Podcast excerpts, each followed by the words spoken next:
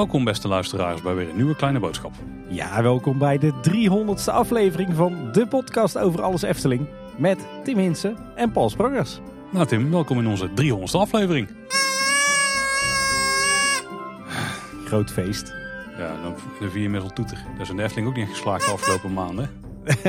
nee, maar toch een beetje feestelijk beginnen, toch? Nou, dat is waar. Nou Tim, het wordt nog veel feestelijker, want eh, dit is onze 300ste aflevering. Best wel een bijzonder moment. We zitten niet in het theater trouwens. Die vraag hebben we regelmatig gehad. Ja, inderdaad. Want eh, ja, de meeste podcasts en ook pretparkpodcasts... die vieren hun, eh hun honderdste en hun 200ste en hun 250ste en hun 300ste aflevering in het theater inderdaad. Met luisteraars. Nou, ik probeer het ook wel eens, maar het lukt niet altijd. Af en toe gooit corona goed in het eten. Maar wij hebben natuurlijk net in het theater gezeten. Hè? Aflevering 282. Misschien was je erbij als luisteraar. Misschien niet. Je kan eh, sinds kort natuurlijk de documentaire kijken van, eh, van Niels Kooijman. Echt super tof dat hij die eh, in elkaar heeft geklust. Maar nee, het is eigenlijk nog maar heel kort geleden dat we met onze luisteraars in het theater zaten. En daarom hadden we zoiets van, ja, om nou na 18 afleveringen weer het theater in te gaan voor ons jubileum. Dat is misschien een beetje te veel van het goede. Nog even los van het feit dat het toch een halfjaartje voorbereiding kost. Dus daarom deze keer niet in het theater. Ook eh, geen bijzondere aflevering zoals we bij onze 200ste en 250ste hebben gedaan. Hè. Toen waren we te gast bij de ontwerpers in de Efteling. En we maakten een rondje door het Gildenhuis voor de 250ste. Maar eh, ja, onze 300ste aflevering die vieren we op een eh, hele andere manier.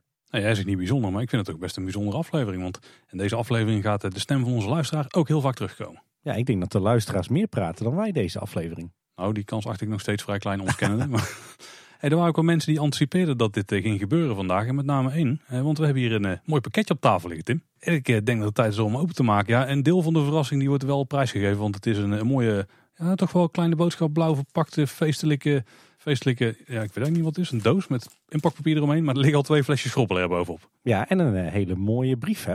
Ja, maar die was heel persoonlijk, dus die gingen we niet voorlezen. Maar we gaan hem wel uitpakken, Tim. Gewoon een groot cadeau voor 300 keer kleine boodschap, joh. Eens kijken of dat hem open krijgen. Ja, het is altijd mooi, hè. Er wordt veel moeite ingestoken om in te pakken. En wij eh, trekken hem dan gewoon zo open. Ik ben wel heel benieuwd hoor. Het is echt een heel apparaat wat daar in die zak zit. Dan moeten we samenwerken, Tim. Het zit een faantje eraf. Oh, Daar doen we al 300 afleveringen, Paul, dus dat komt goed. samenwerken, dat komt goed. Oh, oh maar de schrobbelflessen zitten erop vastgeplakt. Ik dacht dat jij ging zeggen, de schrobbelflessen zijn leeg. is wel makkelijk te verdelen. Eentje aan mijn kant. En één voor mij. Hoppatee. Wat zit er nou in de doos? Ja, nu komt het, Tim. Ik zie een schoenendoos. Voordat we hem openmaken, Tim. eh, de mensen die bij Kleine Boodschap in Theater eh, waren, die hebben misschien wel een klein bordje zien staan voor op tafel met kleine boodschappen erop. Vergelijkbaar met zoals in het Sprookjesbos staan. Dit cadeau is van dezelfde eh, gever als dat cadeau. Dezelfde maker, ja. Ja, dus ik ben heel benieuwd wat erin zit. Oh, Oh. karton. het is goed verpakt. Oeh, oh. Oeh, ik zie al wat tevoorschijn komen, Tim. Oh. Oh, dit is wel echt heel vet. Wauw, dat is gewoon een eh, Een echt een klein duimpje. klein duimpje, ja. Van boven de prullenmand. Eh, klein duimpje. Tim, er zit er gewoon nog één in. Oh jeetje.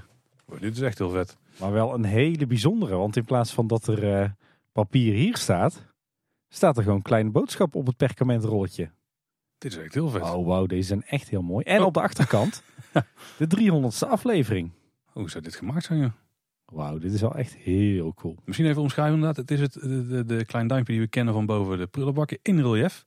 Ook eh, vrij groot uitgevoerd. 30 bij, nou, bij, bij 20, 25 centimeter is hij wel.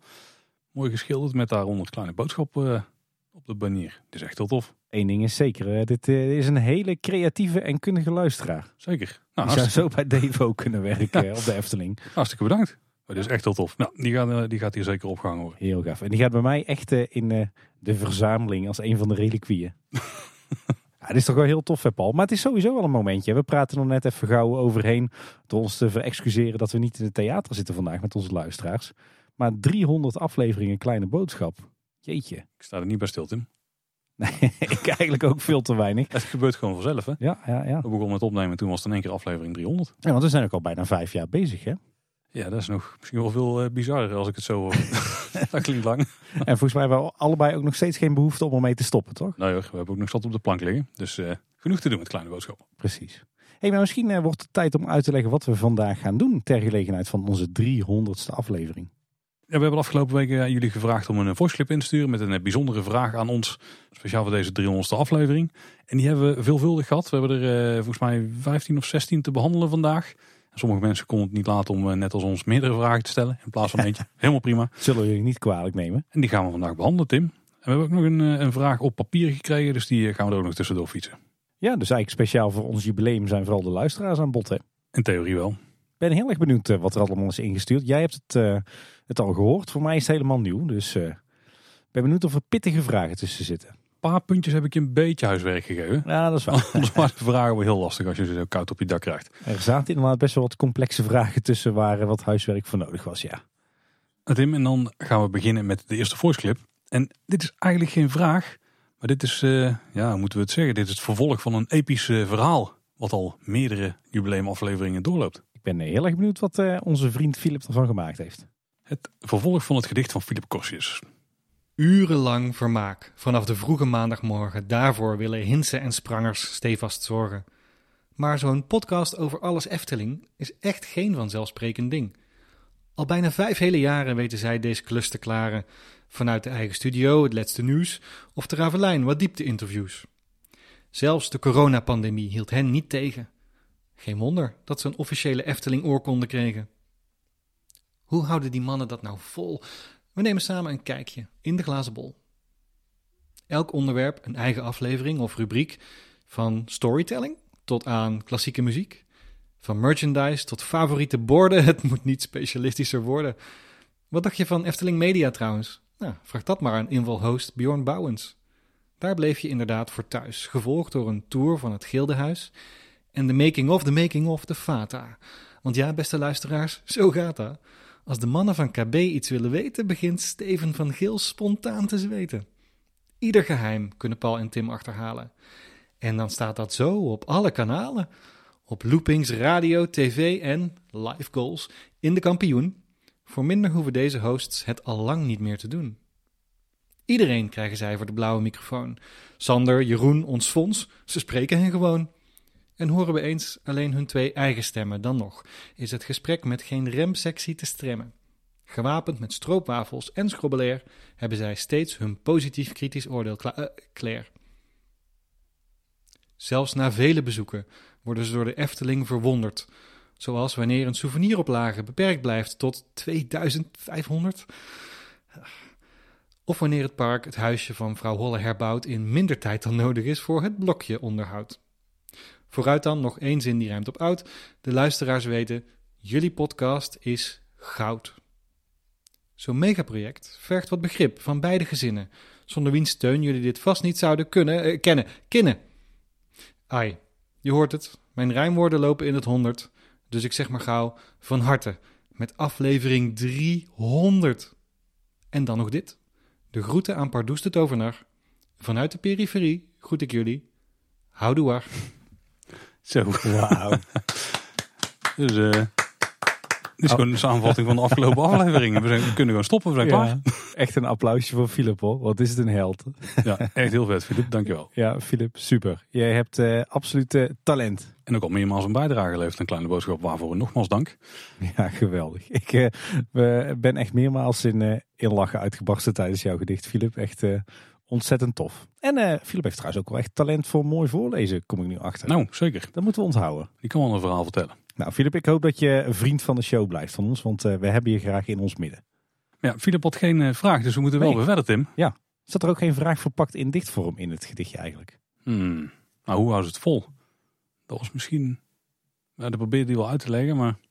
Stroopwafels, hè? Ja, stroopwafels, schrobbelair en cola. Ja. Dat doen we het eigenlijk op. Daar leven wij op, ja. Nou, de volgende Tim is een uh, vraag van Erik. Luister maar eens goed, want uh, Erik die, uh, die wil veel weten. Dag Paul en Tim. Eerst en vooral proficiat met bereiken van deze nieuwe mijlpaal. 300 afleveringen ondertussen.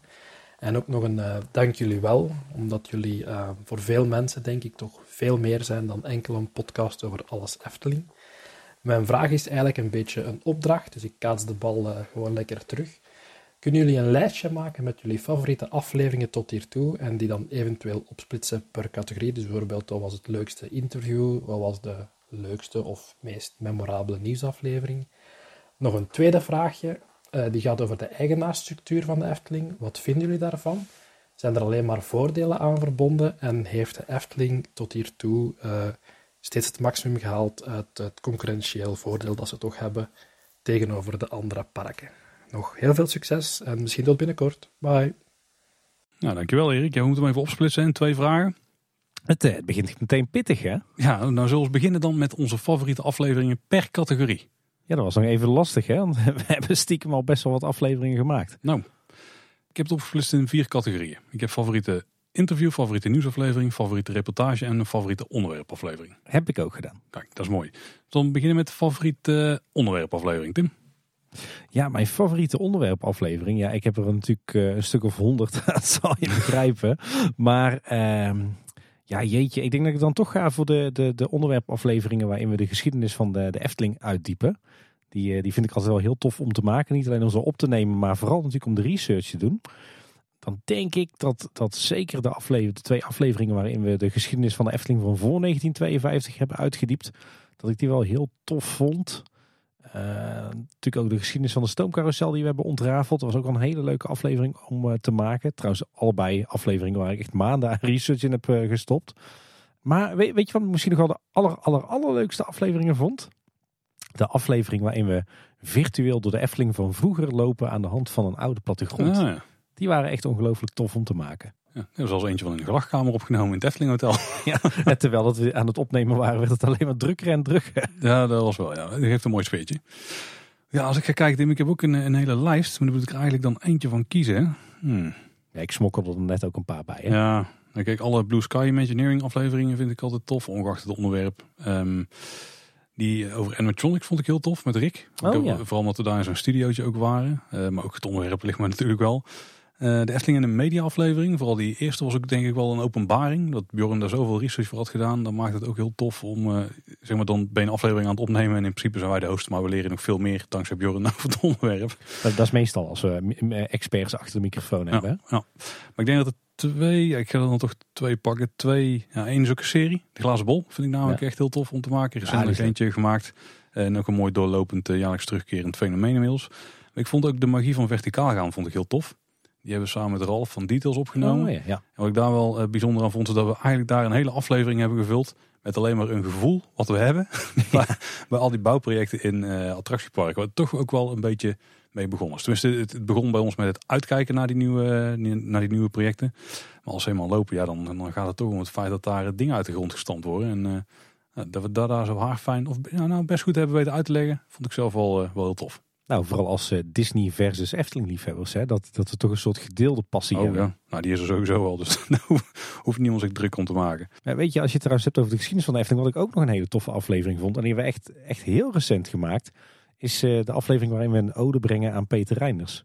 Dat is al ontzettend mooi om, uh, om die research te doen. Zeker omdat, natuurlijk, omdat hij, ja, tenminste dat gevoel hadden wij alle drie, dat hij toch wel erg ondergewaardeerd is in de geschiedenis van de Efteling.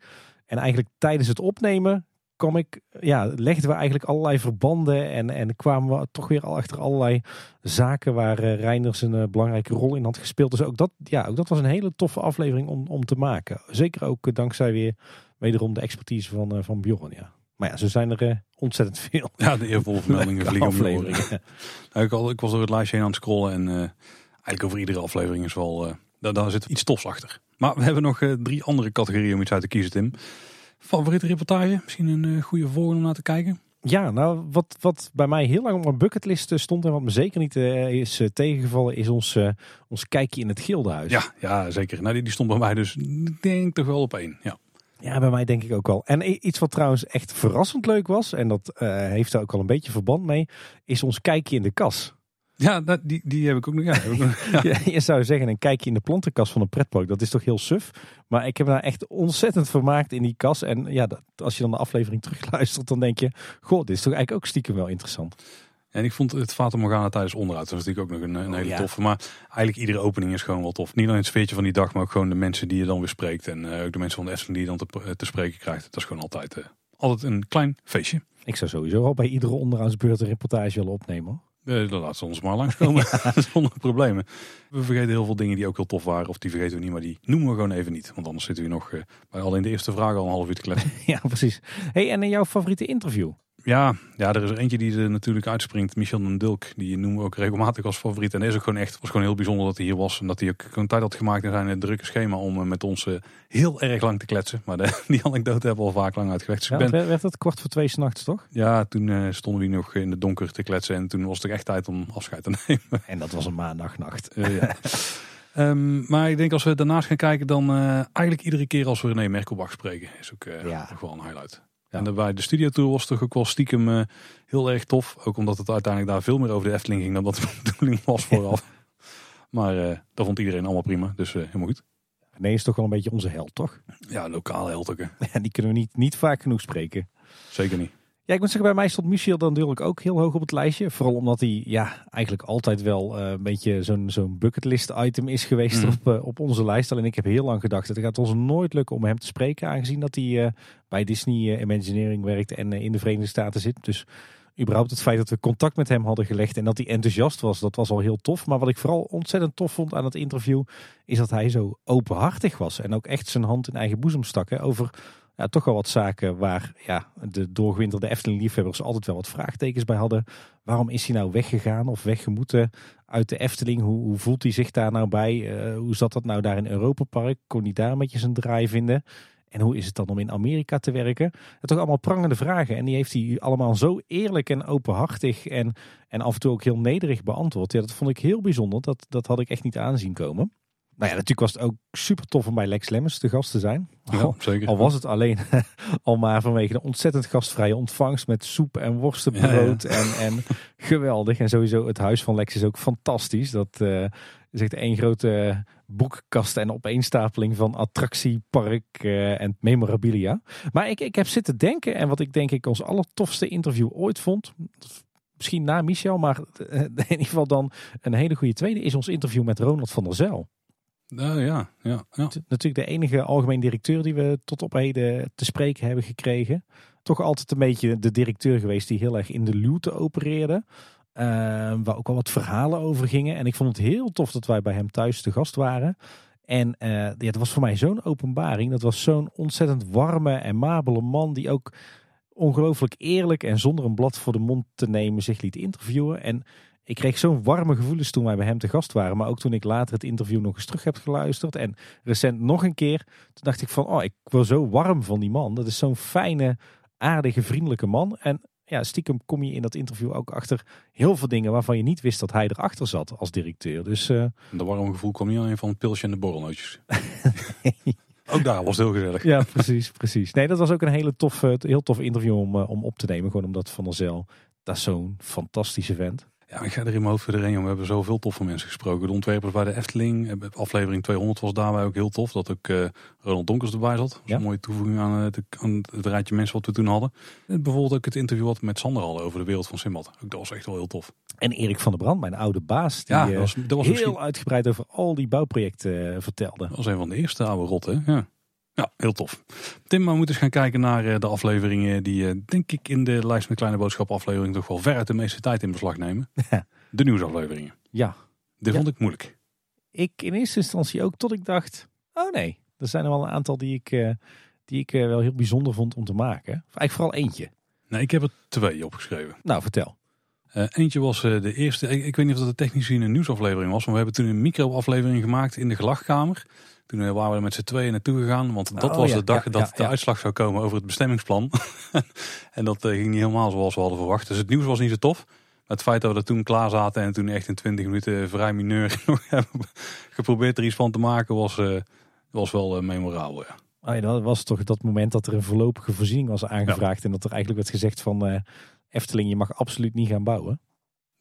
Niet, niet, ja, zeker. Ja. Toen zaten wij inderdaad allebei helemaal klaar voor die uitslag, ja. Wij denken, dan lopen we naar buiten en dan eh, gaat er meteen een schop in de grond. Dat bleek in de praktijk dan ook niet echt zo te werken, maar dat terzijde. Ehm en een af- andere aflevering die ik eh, heb eh, op weten te snorren, want ik heb gewoon even de lijst heen gescrollt en dacht van, oh ja, daar weet ik nog wel iets van, was aflevering eh, 50. Toen waren wij beide terug van vakantie en toen was er nieuws over het bestemmingsplan. Want dat Oh. was op dat moment door de gemeenteraad heen gekomen. En ik heb daar een quote uitgehaald, Tim.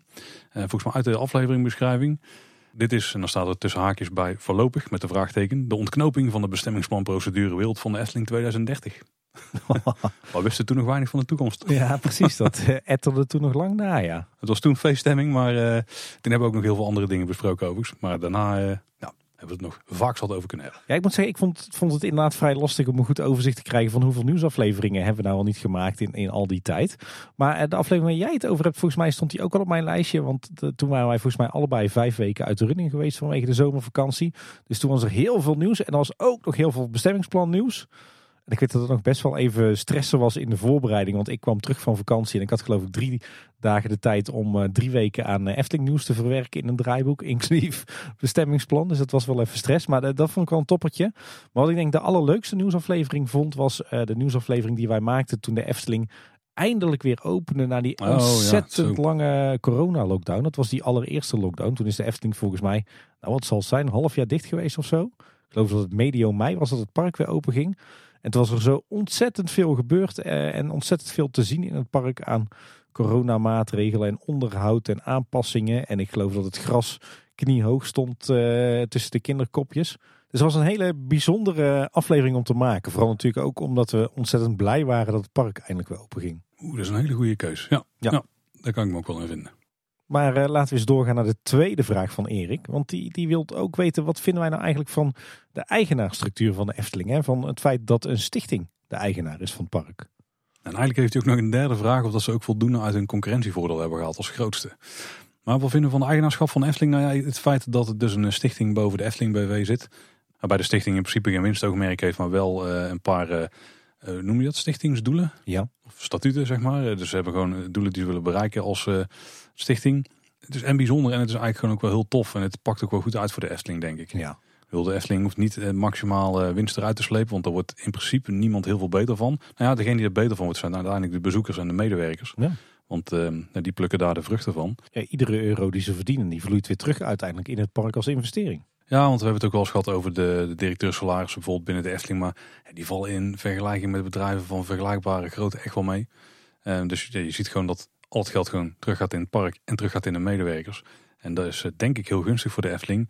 En ik denk dat dat ook wel een beetje in het verlengde ligt toch van het tweede deel van, eh, of eigenlijk het derde deel van zijn vraag. En dat is die concurrentiepositie. Want daardoor ja, halen ze daar misschien niet maximale uit wat een nog veel, hoe moet ik het zeggen, nog veel commerciëler gerund of harder bedrijf wel, het wel had gedaan. Die hadden misschien zelfs wel geprobeerd om nog om anderen wat meer uit de markt te drukken. Ja. Terwijl de Efteling dat misschien minder doet dan dat ze zouden kunnen. En ook dat juich ik alleen maar toe. Want ik zou het niet tof vinden als ze ook een beetje de boeman zijn die, ja, die de rest heel erg benadeelt, zeg maar. Ja, dat je een beetje een strijd tussen bijvoorbeeld de Efteling en Toverland krijgt, zoals eh, in Florida tussen Disney en eh, Universal.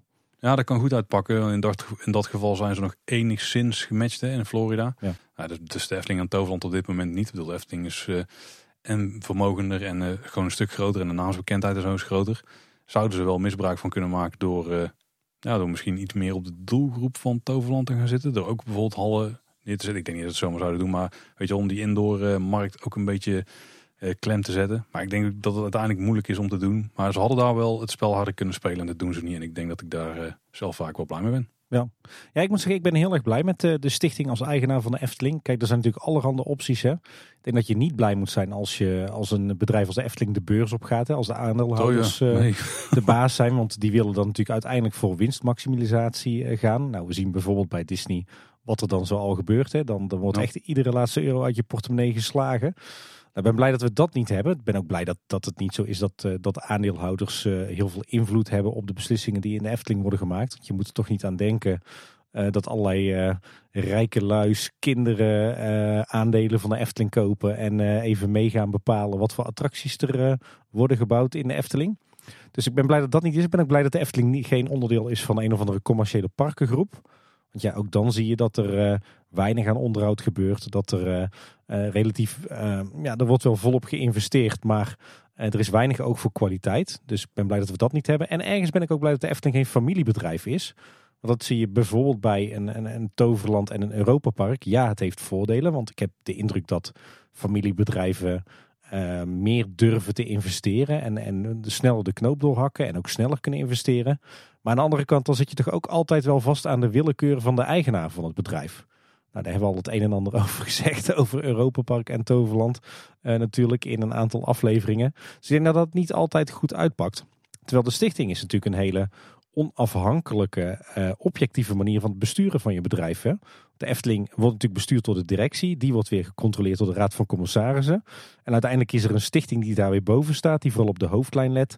En die kijkt of de Efteling zich uiteindelijk nog een beetje in de richting beweegt die de stichting zou willen. Dus daardoor heb je heel veel controle in je bedrijf en, en eh, ook heel veel objectiviteit. Dus ik denk dat het heel goed is.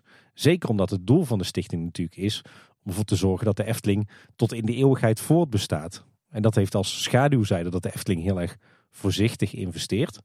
Je, hebt heel veel mensen die zeggen van moet de Efteling niet veel meer gaan investeren.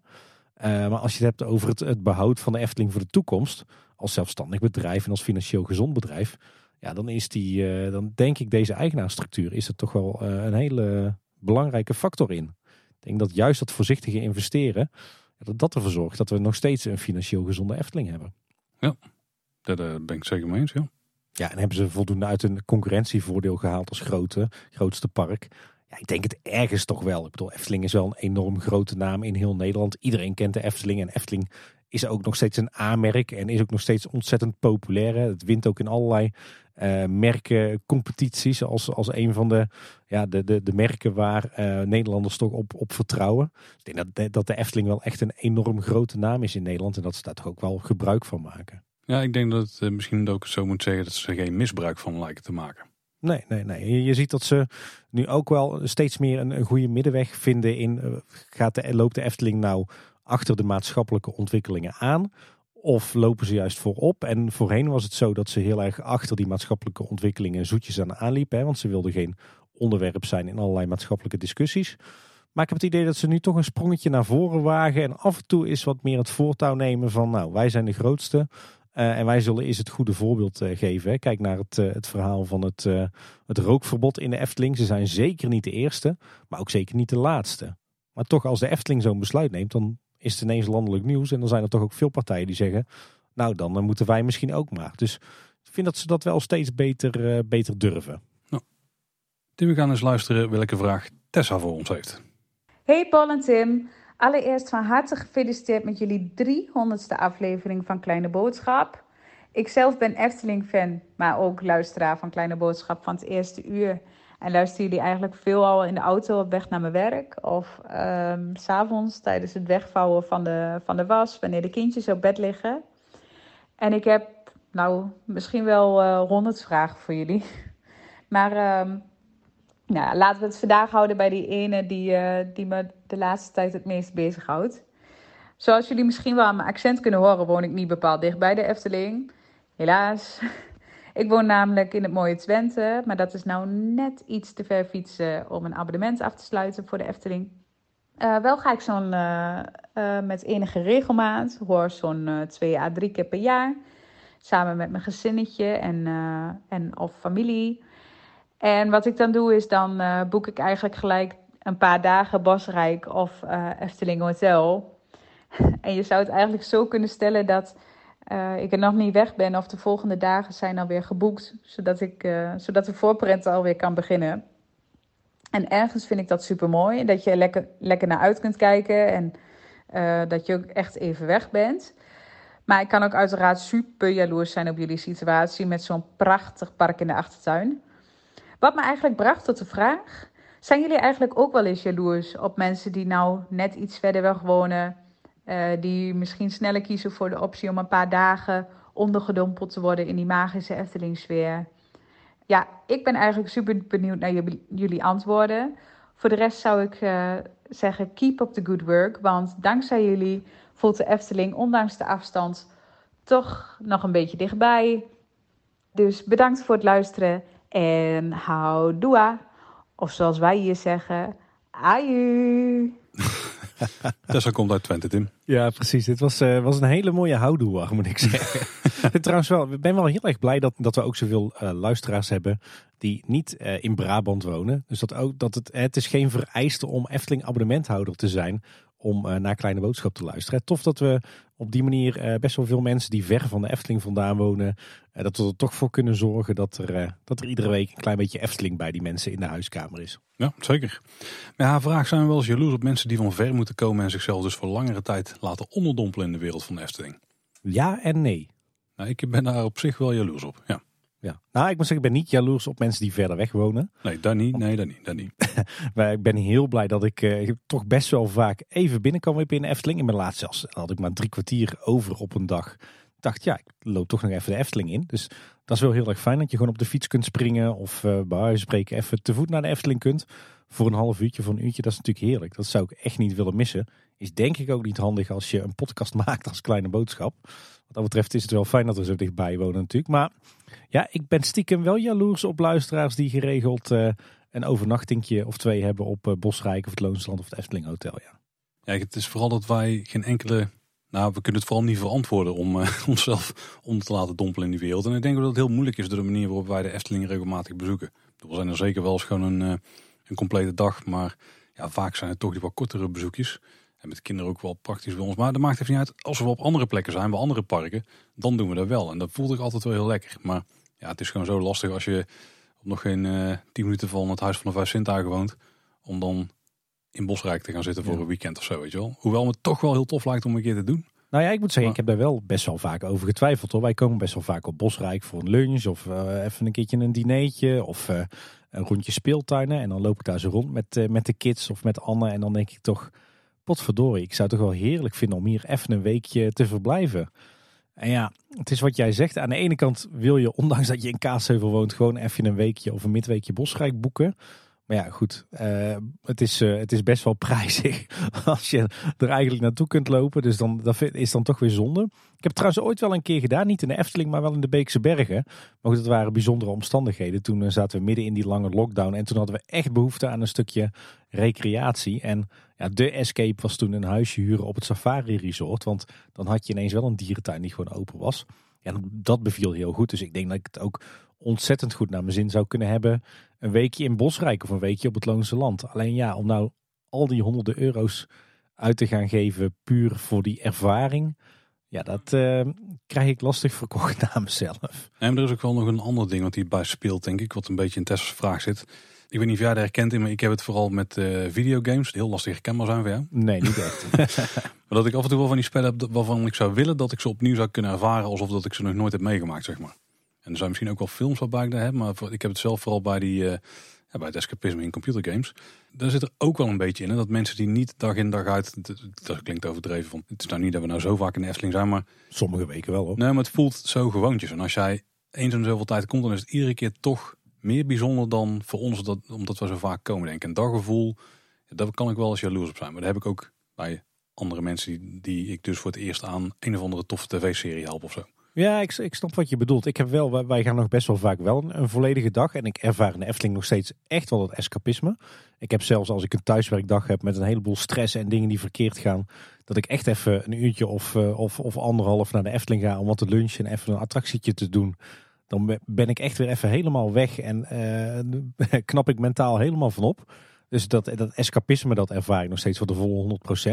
Het is inderdaad wel zo dat ik het stiekem wel heel erg tof vind als ondanks hè, dat je bijvoorbeeld alles volgt van de bouw van een attractie, dat de eerste keer in zo'n attractie als de Efteling niet te veel ervan heeft laten zien. Eh, en je wordt echt nog verrast. Ja, dat vind ik nog steeds wel een super tof eh, gevoel. Ik kan me nog herinneren dat, eh, dat ik voor het allereerst in Symbolica ging. En er was natuurlijk al heel veel bekend van de buitenkant van Symbolica, van het transportsysteem. En je had wel wat gezien. Maar de binnenkant, de, de, de ride, de show, die was nog wel zo goed als geheim op dat moment. Ja, dat vond ik toch wel een hele toffe ervaring. Zo'n allereerste keer in zo'n attractie waar je nog niks van weet. Ja, die, die ervaring die hebben we natuurlijk niet heel vaak meer in de Efteling. Maar ja, ja de, de escapisme ervaar ik nog wel. Ja, ik heb ook wel eens gedacht, het lijkt me heerlijk om eh, gewoon te- vast te wonen op eh, Bosrijk. Dus als nou ooit die markt instort, dan eh, vind ik het wel een optie om daar gewoon een huis te gaan huren of kopen hoor. Lijkt me heer, een heerlijke plek om te wonen. De volgende voice clip, Tim, die is van Michiel. Beste Paul en Tim, hier Michiel Reinders. Ten eerste van harte gefeliciteerd met jullie 300ste aflevering. Wat een mijlpaal.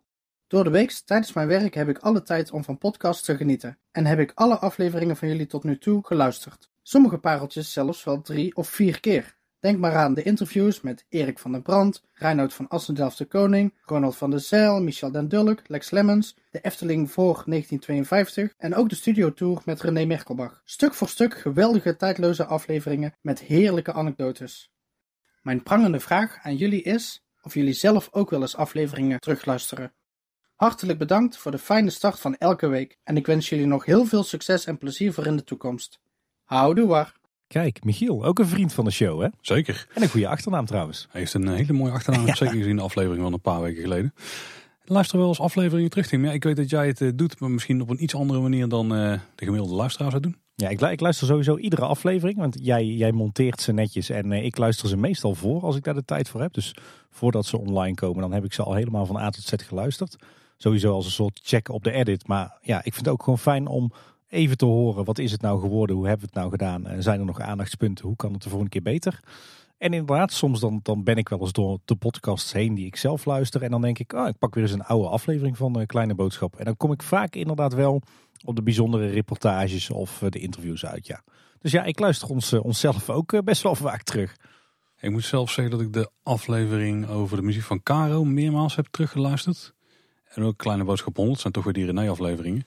Eh, maar vooral ook vanwege de muziek die erin zit, zeg maar. Ja. Eh, en heel af en toe een interview op voor, als voorbereiding op een ander interview. Even weten wat er toen gezegd was, eh, zodat ik weer bij ben. Maar dat gebeurt minder vaak hoor. Eigenlijk luister ik dus niet zo heel veel terug, behalve de meer muziekgerelateerde dingen. Ja. Maar ik heb de meeste afleveringen al gemiddeld een keer of twee gehoord voordat die uitkomt. Dus ja. Ja, in de edit. Maar dan luister jij me op twee keer de snelheid, toch? Ja, en ook in heel veel verschillende kleine stukjes. Ja. Ik ben ook wel benieuwd, dus dat is dan een vraag meer terug aan de luisteraars. eh, of dat er luisteraars zijn die ook eh, afleveringen vaker dan eens terugluisteren. Volgens mij eh, krijgen we aardig wat berichtjes op de mail en op social media waar dat wel uit blijkt, toch? Ja, maar ik ben ook wel benieuwd dat er mensen zijn die bijvoorbeeld net als Michiel drie tot vier keer, misschien zelfs wel vaker de afleveringen luisteren. Ja, nou, laat het, eh, laat het weten hè, via de bekende kanalen. Dan een vraag van Jean. Beste Paul en Tim, gefeliciteerd met jullie 300ste aflevering. 300 afleveringen alweer. Ik denk dat ik ergens in de eerste 40 afleveringen een keer aangehaakt ben. En ik ben sindsdien gewoon blijven luisteren. En dan ben ik gewoon elke maandagochtend ben ik blij als er weer een nieuwe aflevering klaar staat. En eh, even tussen jullie en mij. eh, meestal zijn die afleveringen dan ook diezelfde maandag ook alweer gewoon eh, beluisterd. Nou, jullie vroegen vragen voor jullie 300ste aflevering. En ik heb er eens over nagedacht van wel, welk onderdeel hebben we nou in die 300 afleveringen of helemaal niet of heel sumier eh, eh, besproken. En dat is het, volgens mij het onderwerp overnames. We hebben wel eens gezegd van, oh ja, de Efteling zou ooit de Beekse Bergen eens een keer over moeten eh, nemen. Maar ik wil hem even concreet maken. Stel hè, de Efteling bedenkt van nou die popparkgroep, die doet dat heel goed. Die neemt meerdere parken over en die maakt er iets leuks van. Wij moeten ook eens een pretpark over gaan nemen. Welk pretpark zou de Efteling nou moeten overnemen? En daarbij de kanttekening, dat pretpark zou al een solide basis moeten hebben. Hè, een solide Efteling basis waar de Efteling op kan bouwen. En als we dat park dan hebben, wat zou de Efteling er nou de komende 10, 15 jaar aan moeten toevoegen om er echt een volwaardig tweede Efteling park van te maken? Nou, ik ben heel benieuwd waar jullie mee komen. Toffe vraag, eh Jean. Ja, en eh, best wel een pittige vraag, toch? Ja. Zo is het beginnen ieder met het park te noemen. Heb je een idee al of niet? Ja, ik heb er twee in gedachten. Mag dat ook? Oeh, ja, nou ja, eervolle vermelding zit er altijd al bij. en dan wat ze ermee moeten gaan doen. Ik, ben, ik, ja, ik heb ook al een idee. Ik weet niet of dat een heel goed plan is, maar het is wel een idee. Ja. Nou, ik ben benieuwd. Laat me horen, Paul. Ja, ik ga toch weer terug naar eh, een kleinschattig parkje in Denemarken. Ik ga naar uh, Faroep Sommerland. Oeh ja, daar hoor ik veel goede verhalen over de laatste tijd. Ik weet alleen niet echt hoeveel bezoekers eh, die per jaar ontvangen. Dus ik weet niet hoe solide de basis is. Maar ja, er zal denk ik tussen de 500.000 en de 800.000 zit of zo. Dat is wel een solide basis genoeg denk ik om te het, is, het is wel echt nog een seizoensparkje, toch? Ze Ja. zijn maar heel kort open. Ja, ja, ja. Nog wel. Als de Efteling het overneemt, jongen. Ho, Ja, Nou ja, terwijl, verder. wat zou de Efteling er dan de komende 10, 15 jaar aan eh, moeten toevoegen of mee moeten doen? waarom ik denk dat het een goede match met de Efteling is, is dat het nog eh, vrij groen is op heel veel, eh, op heel veel punten. Echt heel veel bosstukken waar je nog doorheen loopt. Het attractieaanbod nu is al vrij oké, maar er zitten niet echt uitschieters bij. Ja, behalve dan misschien Phoenix, maar die heb ik nog niet gedaan, die nieuwe achtbaan. Eh, maar er zitten wel gewoon eh, attracties bij die echt het hele gezin al nu bedienen. Ook een groot voordeel is dat ze daar eh, niet direct de buren hebben. Volgens mij het dichtstbijzijnde dorp zit er echt wel, nou ja, een kilometer of zo vandaan. Wel- natuur eromheen. Ja, heel veel eh platteland nu op dit moment. En rondom het park direct wel wat bosgebied. Ze hebben ook overigens een, een buitenzwembad. Dus ze hebben al een soort van halve second gate. Volgens mij kun je die ook combineren als je er toch al bent, mag je er sowieso in. En ze hebben ook al wat, eh wat verblijfsaccommodatie. Op dit moment volgens mij één hotel, misschien twee. En ook iets wel van een campingmogelijkheid volgens mij. En als ze die niet hebben, kunnen ze die vrij makkelijk maken. Ehm, dus daar is ook wel gunstig. En ik, ja, ik denk dat dit park echt zou kunnen groeien als ze daar eh, gaan investeren in dark rides. En dat zou de Efteling enorm goed doen. En iets meer in het sprookjesachtige. Maar door het eh, groene karakter van hele, hele delen van de gebieden. Ik denk dat ze dan een paar wat kleinere attracties kunnen verwijderen bijvoorbeeld. Ze moeten dat parcours als ze er hebben absoluut houden. Maar dan een beetje um, upgraden. En misschien daar ook wat thema aan toe, toekennen. Maar als ze daar ook een soort beginsel van een sprookjesbos zouden leggen. Echt nog in het bosgebied. Misschien een stukje erbuiten. En dan aan de rand van het park Um, want het, vreemde is eigenlijk, het park heeft een soort U-vorm nu op dit moment. Uh, dus je kunt daar best wel rondomheen wat uitbreiding doen. Als je ook een stukje parkeerplaats kan opofferen bijvoorbeeld. En dan weer ergens anders uitbreiden. Dan kun je ook centraal gelegen best wel makkelijk wat grote attracties bijbouwen. Wat overdekte attracties. Dan krijg je en een meer winterhard park. Waardoor het dus uiteindelijk na een paar jaar ook het, het hele jaar door open zou kunnen zijn. Um, het ligt ook nog vrij dicht bij de zee. Dus ook daar is nog wel iets mee te doen. Als je daar nog in, van een vakantiepark ooit wil beginnen. En, en, ik denk gewoon dat, dat met het huidige aanbod wat ze daar hebben. Plus dark rides dat je echt een heel tof, divers aanbod hebt voor echt de hele familie. Nou, goed verhaal. Dan ben ik wel benieuwd. En met jouw twee varianten. Ik, zit er een dierenpark bij? Ja, nou, dan, dan zijn het er drie. Ja, ik wou oh. zeggen, ik, ik, begin met de Beekse Bergen. Dat heb ik natuurlijk al vaker gezegd.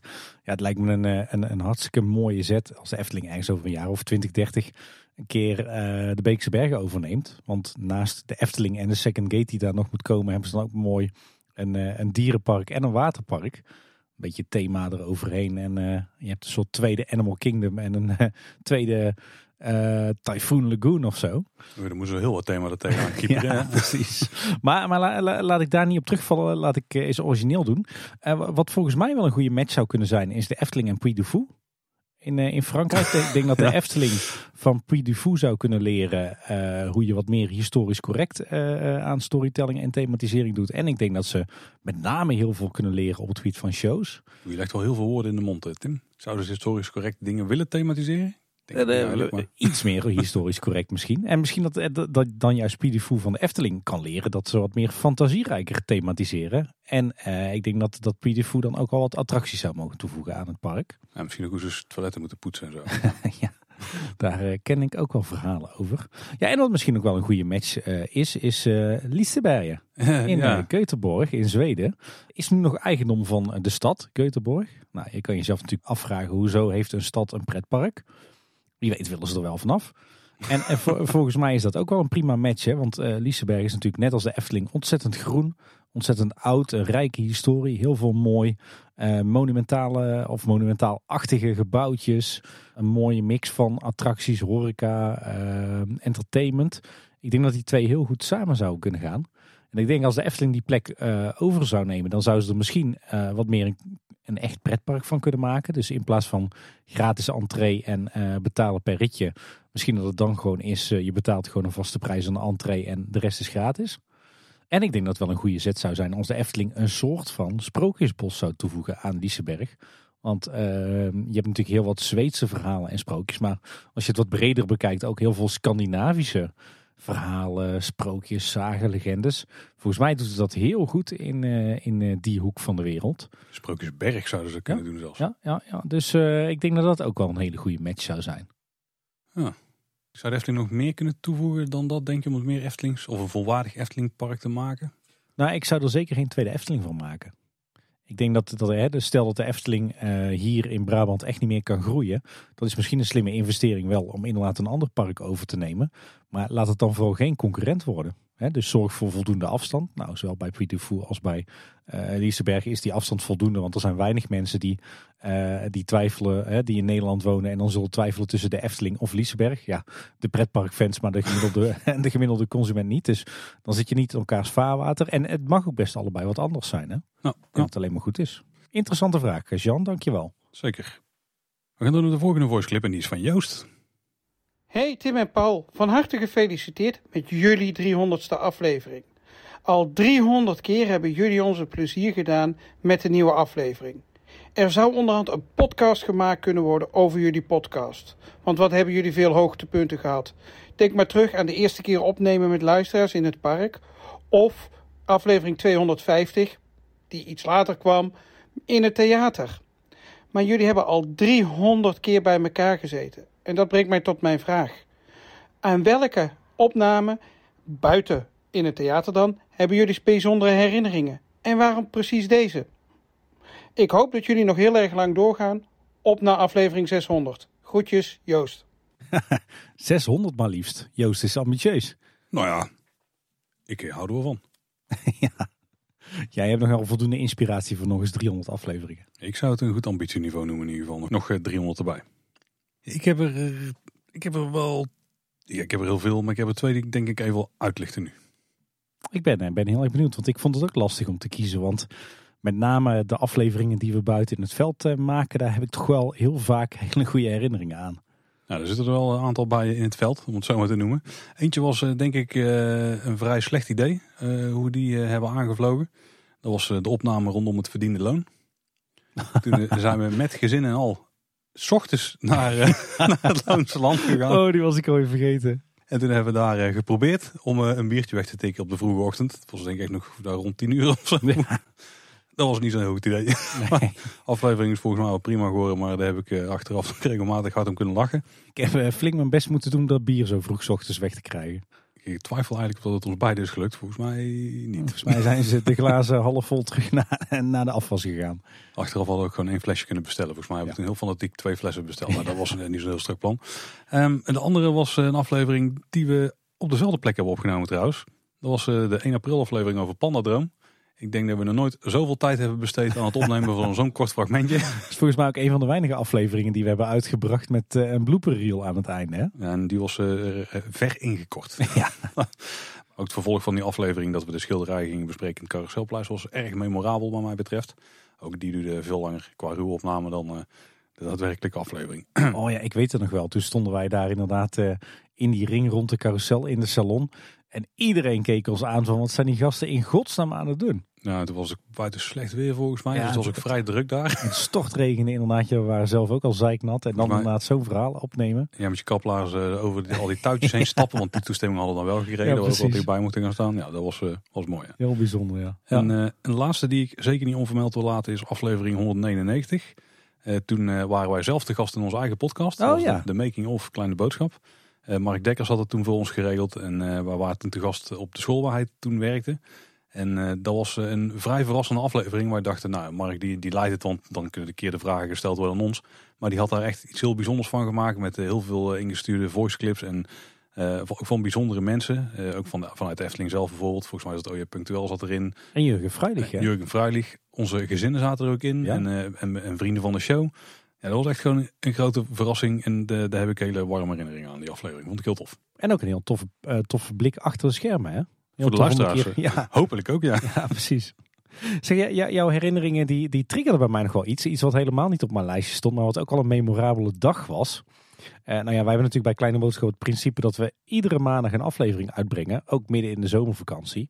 En wij eh, hebben allebei het geluk dat we nogal eens op vakantie zijn. En ja, dan moeten we toch ons best doen om van tevoren voldoende afleveringen op de plank te hebben liggen. En tegenwoordig doen we dat zo dat we dat in de loop van het jaar een beetje opbouwen. Hè?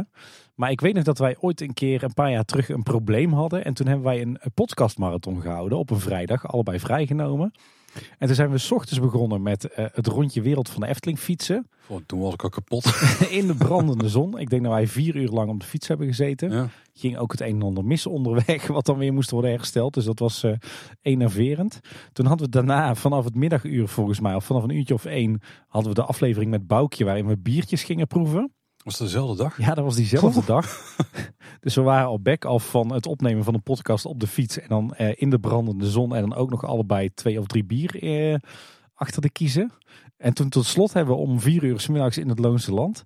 hebben we nog een aflevering opgenomen over de mooiste gebouwen van de Efteling. En ik weet nog dat ik zelf in ieder geval behoorlijk aangeschoten was. Dus die, eh, die aflevering die hebben wij half dronken op zitten nemen, zeg maar. Nou, die, die bierafleveringen, want er zijn er meerdere inmiddels. Die heb ik eh, sowieso al goede herinneringen aan. ik, ik noem het al het verdiende loon, maar ook die van... ja, maar Hotel de Botten was ook eh, jammer er nog bij. Want die had toen nog een, volgens mij de zomerse variant. Want de winters was alleen beschikbaar van Ja. de zon of zo. En daar was Boukje ook bij. Maar er waren sowieso ook heel gezellige afleveringen op te nemen. Ja, zo heb ik wel meer mooie herinneringen. Want natuurlijk onze, onze show in het theater, hè, maar daar mochten we het niet over hebben van, van Joost. Eh, ja, een paar hele toffe interviews. Ik had het al over Ronald van der Zel, maar ook inderdaad de hele gastvrije ontvangst bij Lex Lemmers. Maar waar ik de, de leukste herinneringen aan heb, zijn eh, een aantal opnames in het veld. Wat dacht je bijvoorbeeld van ons kijkje achter de schermen bij het groot onderhoud eh, aan de pagode? Ja, Dat was echt ja. een unieke blik achter de schermen, maar toen had het ook nog eens gesneeuwd. Oh, het was ook koud. Koud, maar wel heel vet. Ehm, wat dacht je van eh, de première van Aquanura met een zachte G? Ja, die heb ik ook nog langs laten komen. hoofdje. Ja, ja. Wa- Was toen in coronatijd, dus er mocht maar een heel klein clubje mensen bij zijn. En we hebben toen daar de hele avond in de stromende regen gestaan en de kou. Dat was ook heel bijzonder. Ik vond de première van Caro trouwens ook wel heel tof. Ja. Ook heel bizar om ineens bij een première, première aanwezig te zijn als pers. dat is ook heel raar. En volgens mij stonden we toen nog op te nemen in de zaal. En toen ging het licht uit zelfs. Ja. Of, of op één lamp na of zo. Ja, dat voelde ook echt als niks voor ons bij een, première, een verslag doen van een première. Maar het was wel heel tof. En ik moest ook heel erg lachen eh, tijdens de opening van Fabula. Ik weet nog dat het begon volgens mij ergens eh, s ochtends om een uurtje of tien of zo. En ik had gecalculeerd, nou om twaalf uur gaan we naar huis. Nou, volgens mij waren wij er s ochtends al om negen uur om bij Polles Keuken te ontbijten met een hoop vrienden van de show. En het was uiteindelijk half vier smiddags eer wij klaar waren. Zo lang zijn wij toen bezig geweest met verslag doen en interviews en kletsen met die en kletsen met die bekenden. Dat was echt een marathon opname. En Zo'nzelfde iets hebben we trouwens ook al een keer meegemaakt met een interview. Ik weet dat wij ook heel lang bezig zijn geweest om eh, Ton Merks binnen te halen. Oh, ja. Die natuurlijk de hele wereld overvliegt voor de Legoland parken. En toen hadden wij volgens mij ook ingecalculeerd dat we daar in een halve dag wel mee klaar waren. Maar uiteindelijk hebben we ook van eh 10 uur s ochtends tot 4 uur s middags zitten opnemen. En de aflevering die me ook in één keer eh te binnen schieten. En ik weet niet eens waar we het toen over hebben gehad. Maar dat we gewoon op het, eh, op het bankje in een halve cirkel zaten. In de zon. Dus op het dwarrelplein zeg maar. En dan eh, gewoon daar afleveringen opnemen. Hebben we echt regelmatig nog gedaan.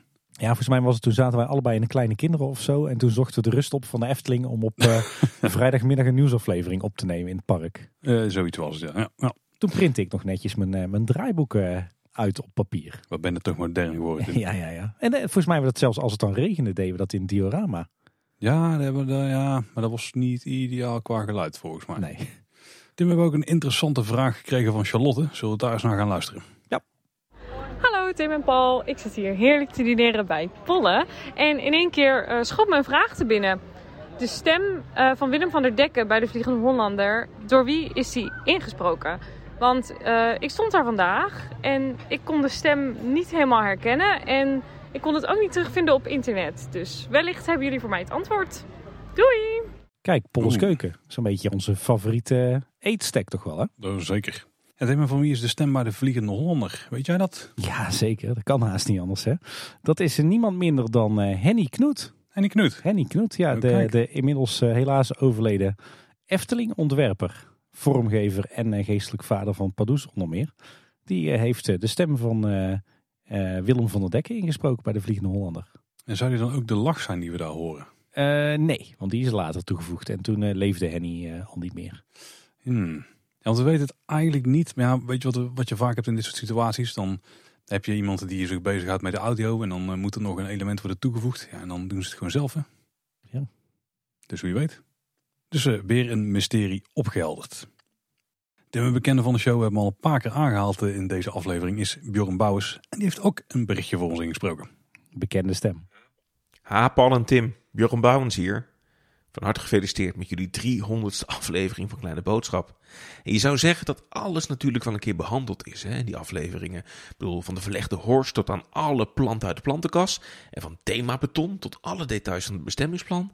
Maar toch heb ik nog één ding ontdekt. Wat ontbrak in jullie uitgebreide serie afleveringen. En dat heeft wel met getallen te maken. Want ik heb hier een, eh, een plattegrond. Jullie zijn volgens mij ook wel liefhebber van eh themapark plattegronden. En natuurlijk die van de Efteling in bijzonder. Maar ik snap iets niet. En dat heeft met getallen te maken. Want ehm, kunnen jullie mij uitleggen hoe die nummering van die plattegrond nou in elkaar zit? Want het Marenrijk begint bij één Sprookjesbos. En dan gaan we naar Diorama en Stoomcarousel. Maar Reizenrijk begint dan in één keer bij 22, bij het Carnavalfestival. En gaat dan door naar 29. Terwijl het Ruigrijk dan doorgaat met 41. Kinderspoor en Anderrijk 62, Fabula. En dan Fantasierijk 82 en 84 met symbolica en Aquanura. Die nummering bouwt niet echt logisch op, maar ook ieder rijk een eigen begingetal. Dat gaat volgens mij ook niet kloppen, want waar zijn 3 en 5 dan? Dus ik wil graag dit laatste mysterie ontrafeld hebben. Hoe zit de nummering, de attractienummering van de Efteling eruit? En, en misschien kunnen jullie mij dat uh, gewoon even uitleggen in een van de komende 300 afleveringen. Van harte gefeliciteerd met dit bijzondere jubileum en ga zo door mannen. Nou, bedankt Bjorn en zo lang hoef je niet te wachten op je antwoord. Nee, nee precies. Hij zit er, eh, er gewoon in. En wel grappig, want uh, Bjorn, natuurlijk absoluut ook een vriend van de show, die was uh, twee afleveringen geleden nog uitgebreid te horen. Hè? Zeker, ja. En Paul, snap jij hem? Zonder dat ik de plattegrond er nog bij heb gepakt, heb ik wel een aantal theorieën. Of eigenlijk een combinatie van theorieën. Ik heb er één. Dan mag jij zeggen dat ik daar überhaupt in de buurt zit. Volgens mij is het sowieso dat het niet per se alleen attractienummering is. Het is locatienummering. Dus volgens mij zitten er ook winkels en horeca bij. Wat verklaart waarom er af en toe gaten vallen. En volgens mij hebben ze ook wat ruimte ingebouwd voor nieuwe toevoegingen in het park. Dus dat uh, altijd de, het volgende rijk net een paar nummers verder begint. Zodat als er iets nieuws wordt toegevoegd dat daar nog een nummertje voor vrij is. Want de attractienummers die staan tegenwoordig op de borden bij de attracties. Het is niet zo handig natuurlijk als er een keer iets bij komt dat ze dan al die borden in de Efteling moeten gaan vervangen. Omdat er één nummertje is opgehoogd en dat alles dan doorschuift. Dus uh, dat, zijn mijn, uh, dat is mijn combinatietheorie, zeg maar. Ja, daar sluit mijn theorie eigenlijk mooi op aan. Ja, ja want uh, wat je natuurlijk op veel plekken ziet is dat zo'n plattegrond wordt gemaakt en dan wordt die genummerd. En dan komen er nieuwe dingen bij, maar dan willen ze inderdaad al die bordjes niet aanpassen. Hè? Dus wat doen ze dan? Nou, dan plakken ze maar ergens op de kaart het volgende nummer. En dan de, nieuw, de nieuwe toevoeging daarna aan de andere kant van het park, die krijgt dan weer het volgende nummer. En vervolgens kom je uiteindelijk tot een plattegrond waar niks meer van te begrijpen is, want alle nummertjes staan door elkaar. Dus door er nou voor te zorgen dat er voldoende uitloop is per rijk in, het, in de nummers op de kaart, kan je er vrijwel ongelimiteerd attracties bij plakken, zonder dat die nummering uit de pas gaat lopen. Maar horeca heeft ook het nummers toch? In dezelfde rij. Nee, volgens mij is dat zo dat daar dan een H voor staat. Oh, en een ja. W voor een winkel. En uh, dus, dus dat deel van de theorie gaat volgens mij niet op. Maar wel inderdaad dat er bewust ruimte is tussen gelaten. En soms ook aan het begin van de nummering. Maar goed, je kan je natuurlijk ook voorstellen dat stel dat men ooit ergens aan het begin van een rijk zo'n attractie toevoegt. Ja, dan heb je daar ook nog een nummertje voor beschikbaar. Hè? Of in een fantasierijk waar tussen uh, Symbolica en, uh, en of tussen Fabula en Aquanura één nummer tussen zit. Ja, je kan maar zomaar voorstellen dat die gereserveerd is voor als er ooit is tussen die twee attracties nog iets nieuws verschijnt. Dus ik denk dat, dat ze dat heel slim hebben aangepakt. Het is bijna perceelnummering eigenlijk. Ja. Zoek het niet te veel achter trouwens, hè, dat je nu gaat denken, oh, er komen nog 24 attracties bij in de Efteling. Want zo werkt het dan kun je niet in de praktijk. Maar... Zie je het als reservering. Om, om, om, om, in ieder geval te voorkomen dat, het, uh, dat straks alle nummers op die plattegrond door elkaar staan. Jens Tim had ook een vraag voor ons. Volgens mij ook niet voor de eerste keer. Kleine boodschap, gefeliciteerd met jullie 300ste aflevering. Ik had nog een tip voor de luisteraars. Het Anton Pieck Museum in Hattem is erg leuk. Nu is de tentoonstelling van Hans en Grietje. En ik had nog een vraagje aan Tim. Wat vind je ervan dat de stoomtrein blijft? Alleen hij wordt helemaal elektrisch. Hij blijft wel hetzelfde rondje rijden. Wat vind je daarvan, Tim? Groetje van Jens de Vries. Veel plezier met jullie aflevering. Ja, wel opvallend dat jij er niks van mag vinden, Paul. Maar nee, goed, dan, uh... Het kan maar ook echt allemaal hoesten. Ah, vandaar. vandaar. Nou, dat heeft, heeft dan goed ingeschat. Um, nou ja, het, het, zou me niks verbazen als, uh, als de stoomtrein uh, ergens de komende jaren even stevig wordt aangepakt. Want volgens mij is dat stoken met steenkolen, dat is niet langer houdbaar. Zeker niet met het hele verhaal rondom stikstof. Mm -hmm. Dus ik denk inderdaad dat, dat die kolenstoker wel uitgaat. Ja, ik, ik hoop dat de stoomtrein blijft rijden, maar dan met een, een alternatieve um, warmtebron. Ja, liefst zou ik toch wel willen dat de stoomtrein nog steeds op stoom rijdt. Dus dat ze een manier vinden om het water tot 100 graden te krijgen uh, zonder kolen. Uh, elektrisch is nog wel een uitdaging, hebben we begrepen van verschillende mensen. Maar ja, ja, ik zou het toch wel fijn vinden als die nog op stoom blijft rijden. Aan de andere kant, als het alternatief, of eigenlijk als de keuze is of elektrisch of helemaal weg. Ja, dan zou ik liever hebben dat de stoomtrein van de Efteling zijn rondjes blijft rijden op elektriciteit, zonder rook, zonder stoom, dan dat die helemaal verdwijnt. Dus ik denk van, van alle slechte opties de minst slechte. Ik, uh, ik sluit me er gewoon bij jou aan, Tim. Dan ben ik er makkelijk vanaf. Ja. ben je het er ook mee eens? Nou ja, daar ben ik het zeker mee eens. Ja. Ik doe er net al nonchalant over. Want ik kan vet goed acteren. Nou, inderdaad. Dat is een talent wat nog niet veel mensen van jou kennen, Paul. maar uh, kijk, ik vind, ik vind de stoomtrein ik vind het wel heel tof om er af en toe een rondje in te doen. Uh, ik zou zelfs willen, willen dat hij nog vaker rijdt. Dat hij ook iets meer als transportmiddel echt kan dienen.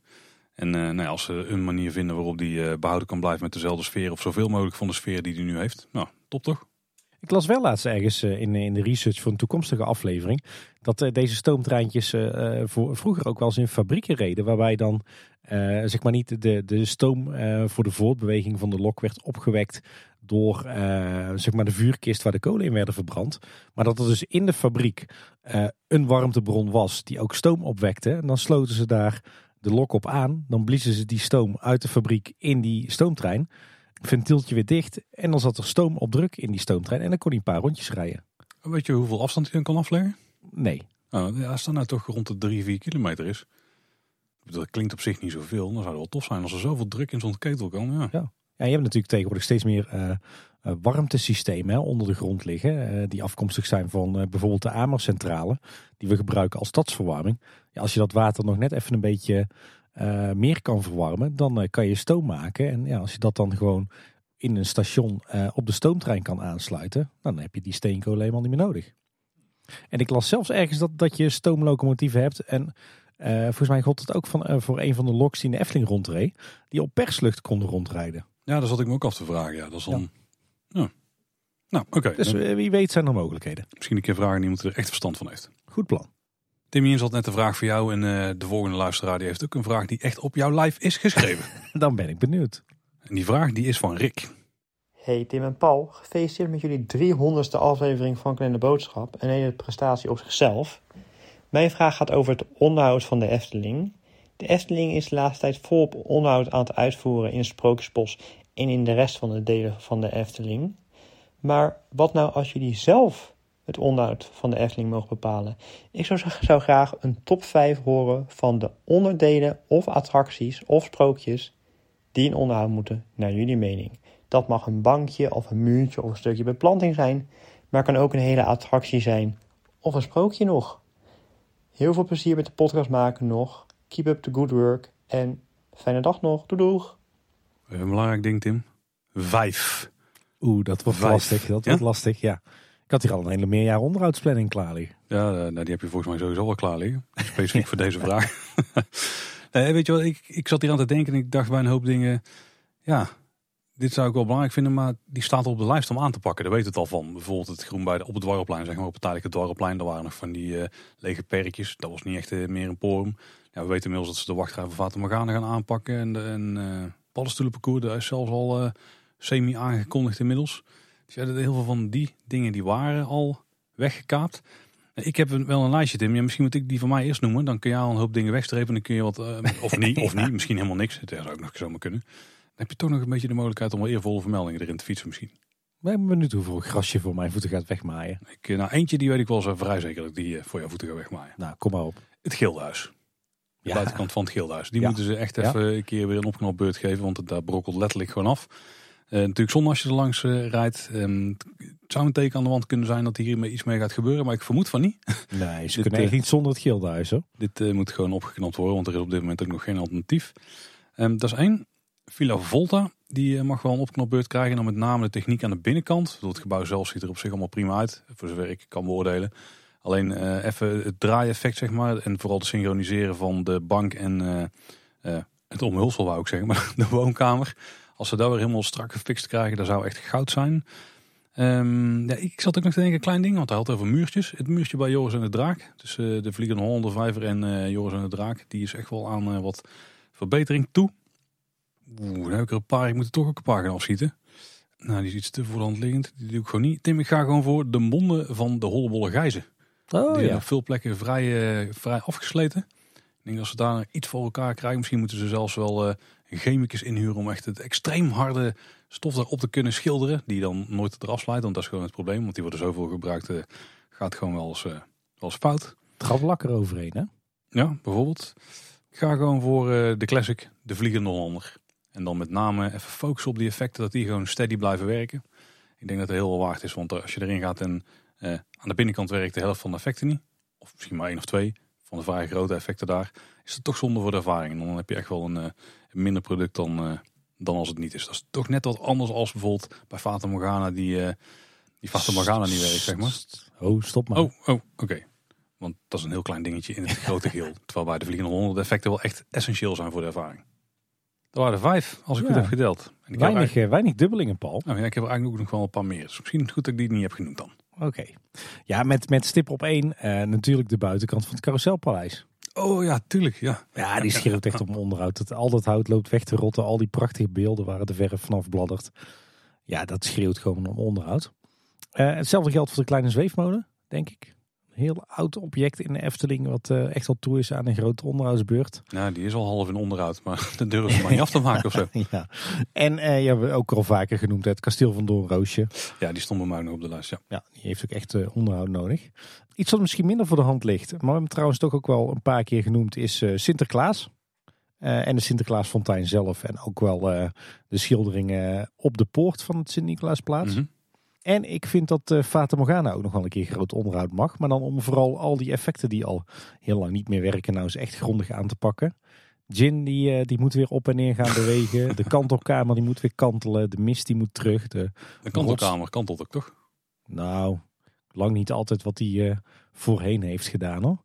En wat hebben we dan nog meer? De rotsduur natuurlijk voor de haven die het ook al heel lang niet meer doet.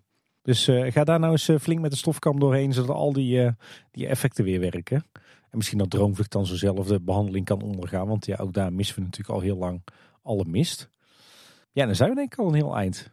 Nou ja, qua eervolle vermelding, ik denk dat de zeemermin nog wel een verfje mag. En eh, eindelijk is die rots terug onder haar hand. Daar doe ik het ook voor, ja. En eh, ja, de piranha, daar moeten natuurlijk nog steeds een aantal watervallen, of eigenlijk rotsen met watervallen worden Oh ja. teruggebouwd. Ja, ja.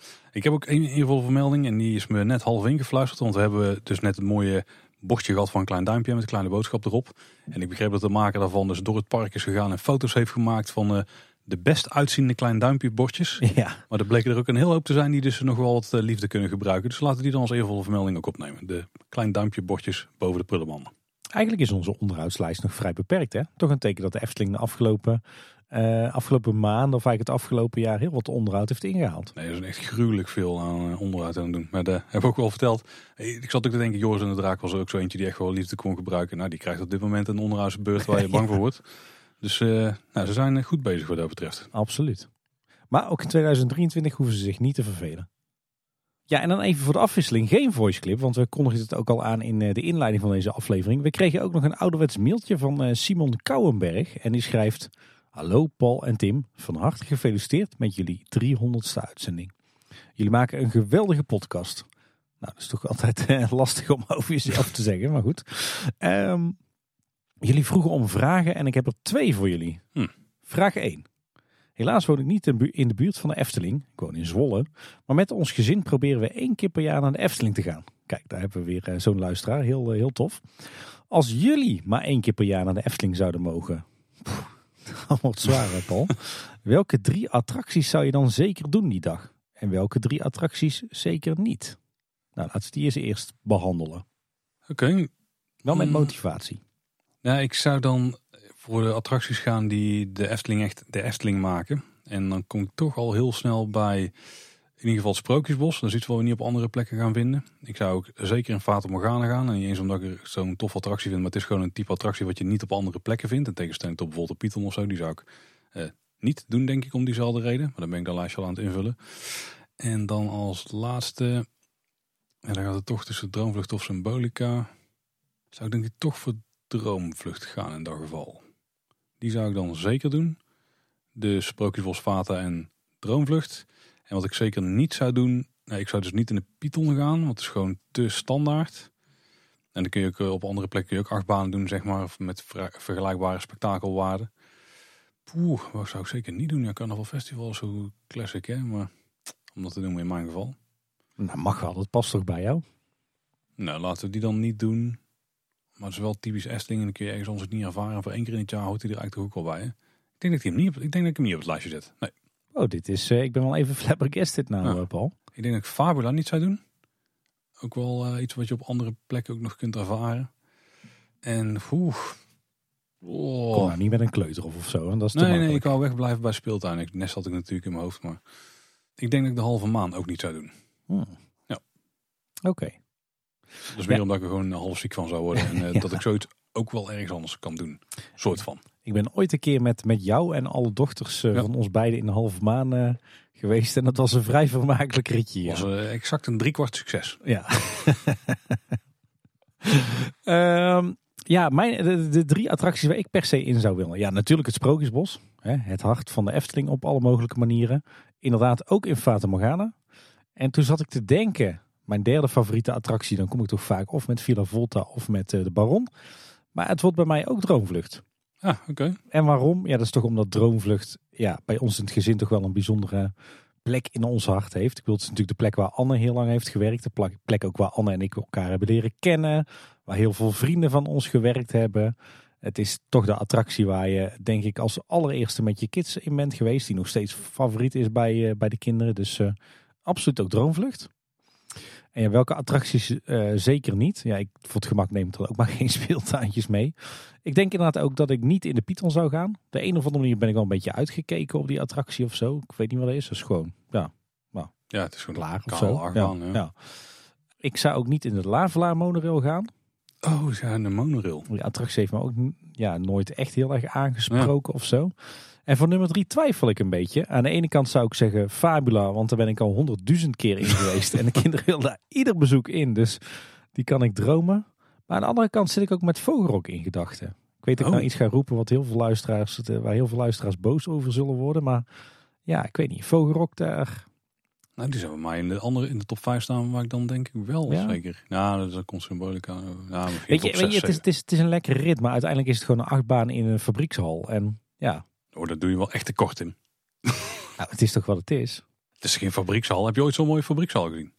Nou, de, de, de- dan heb ik het even niet over het eerste deel van de meandering. Maar verder is het gewoon een fabriekshal.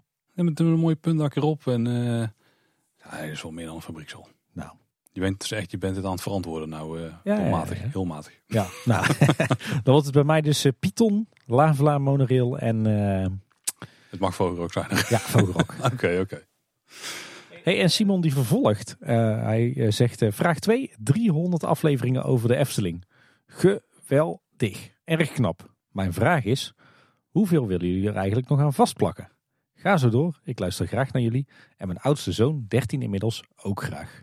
Houdoe, Simon Kouwenberg uit Zwolle. Daar zeggen ze geen houdoe, toch?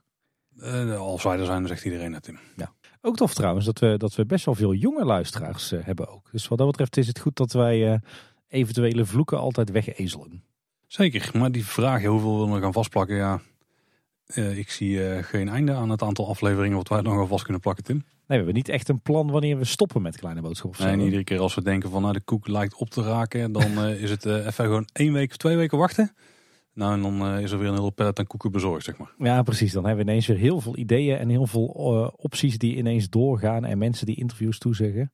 Ja, ik heb er wel serieus over na zitten te denken. Ik denk dat mijn volgende doel eh, niet 350 of 400 is of zo, maar ik durf nu wel te zeggen dat we richting de 500 gaan. Ja, dat moet toch zeker wel lukken. Mooi, mooi rond getal. En als ik kijk wat we alleen al aan ideeën en inspiratie op onze planning hebben staan, wat nog steeds een heel lang Excel-bestand is, waar alleen maar meer bij komt dan dat er eh, afvalt, dan eh, denk ik eerlijk gezegd dat we, eh, nou niet vrij makkelijk, want het is hard werken, maar dan denk ik dat we toch wel met enige zekerheid kunnen zeggen dat we in ieder geval door kunnen gaan tot de 500. Ja, met dezelfde steadiness als nu. Kijk, op een gegeven moment, Tim, dan worden we gewoon oud, hè? Als Ja. we daar tegen 80 zijn of zo, wordt het toch lastig om iedere maandagochtend weer een afleveringetje klaar te hebben staan. Ja, jij zegt dat nou, maar ik denk eerlijk gezegd dat wij de, de tropenjaren al gehad hebben. Ik denk dat het nooit zo moeilijk was om kleine boodschappen te maken als toen wij allebei nog eh, kinderen hadden onder de vier. Oeh.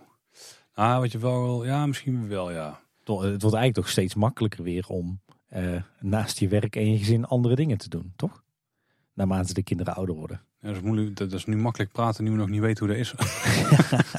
Nee, maar toch als ik terugkijk, met name die, die jaren Ja. waarin... eh, Maar daar krijg je hobby's, hoe moet je ze naartoe brengen en zo. En dan matcht dadelijk niet met het opnameschema. Hoe kan ook wel ellende worden? ja, daar komen wij wel uit, Paul. Ja, natuurlijk laten we de vrouwen gewoon oplossen. De kinderen mogen overal naartoe. Als kleine boodschap er maar niet onder leidt, toch? hey, maar daar- daar verzin ik nog vuistregel. even, ja, ver- verzin ik nog even een vraag bij. Ehm, wat zou voor jou een reden zijn om te stoppen? Ja, die zou ik echt niet kunnen verzinnen op dit moment. Ik zou nieuwsafleveringen blijven maken, dat kan zonder problemen. Eh, ik zou het echt niet weten. Daar zou het park permanent dicht moeten gaan. Daar wel een goede reden is om te stoppen. Ja, of dat is misschien juist wel weer een goede reden om door te gaan. Ja, maar dan, dan wordt het wel lastig om nog een paar honderd afleveringen vol te houden, denk ik. Nee, ik zou zeggen, als het niet meer leuk is. Ja, nee, ja, ja, ja, ja, ja. Bedoel, mensen vragen wel eens waarom doen jullie het? Nou, we doen het niet voor het geld en niet voor de fame. We doen het eh, vooral omdat we het eh, hartstikke leuk vinden. Dus dat is voor mij wel een, eh, een harde voorwaarde. Het moet wel, het moet wel leuk zijn. Ja, dat is zeker een, een belangrijk punt, ja. ja. Maar het is al vijf jaar leuk, dus ik zie dat niet veranderen. Ik zie het ook niet veranderen.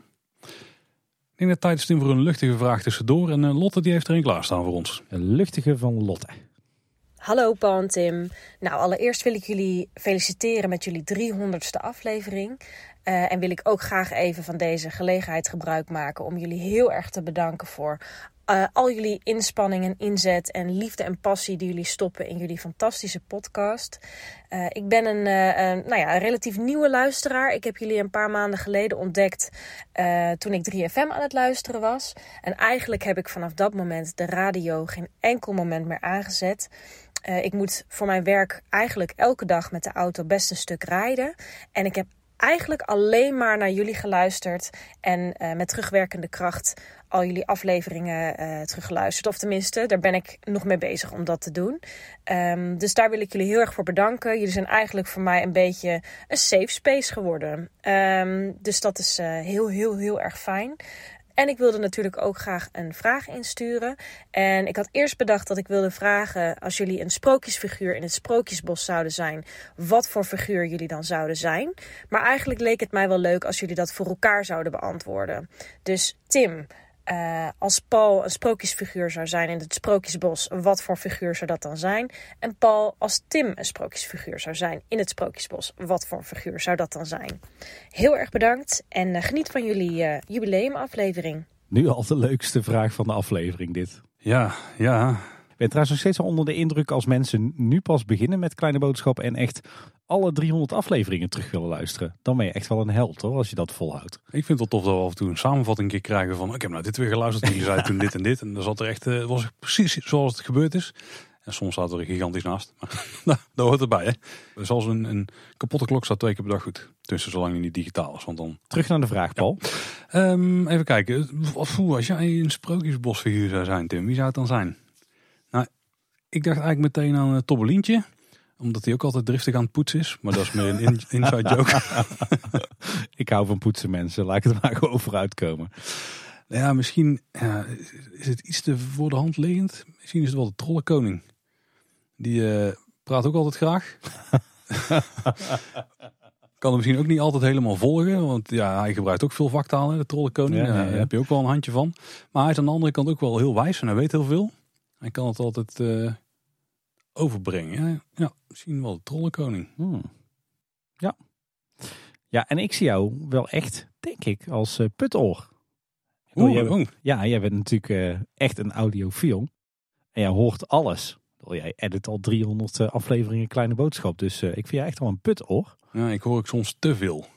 en, die, en bij die dingen die knip ik er dan allemaal uit. Ja, precies. En ik zat bij jou ook wel een klein beetje aan Repelsteeltje te denken. Ja, dat snap ik ook wel, denk ik. ja. Repelsteeltje is wel echt een handige jongen. Hè? Die maakt van, eh, van stro maakt hij goud. En hij loopt altijd te knutselen met vuurwerk en chemicaliën in de winter. Dus Ja, mijn danskills zijn wel vergelijkbaar, denk ik. ja, nou, ik wilde vooral even kijken naar de goede kanten van Oh. een repelsteeltje. Maar eh, dus jij bent ook wel een klein beetje een repelsteeltje, denk ik. Dus zeg ik dan over mezelf. Ik ben ook wel eh, die man die bij Repelstiltje daar staat te luisteren aan, Ja. de deur. Ook gewoon, daar lijk ik ook gewoon wel echt op. Ja, dat klopt, ja.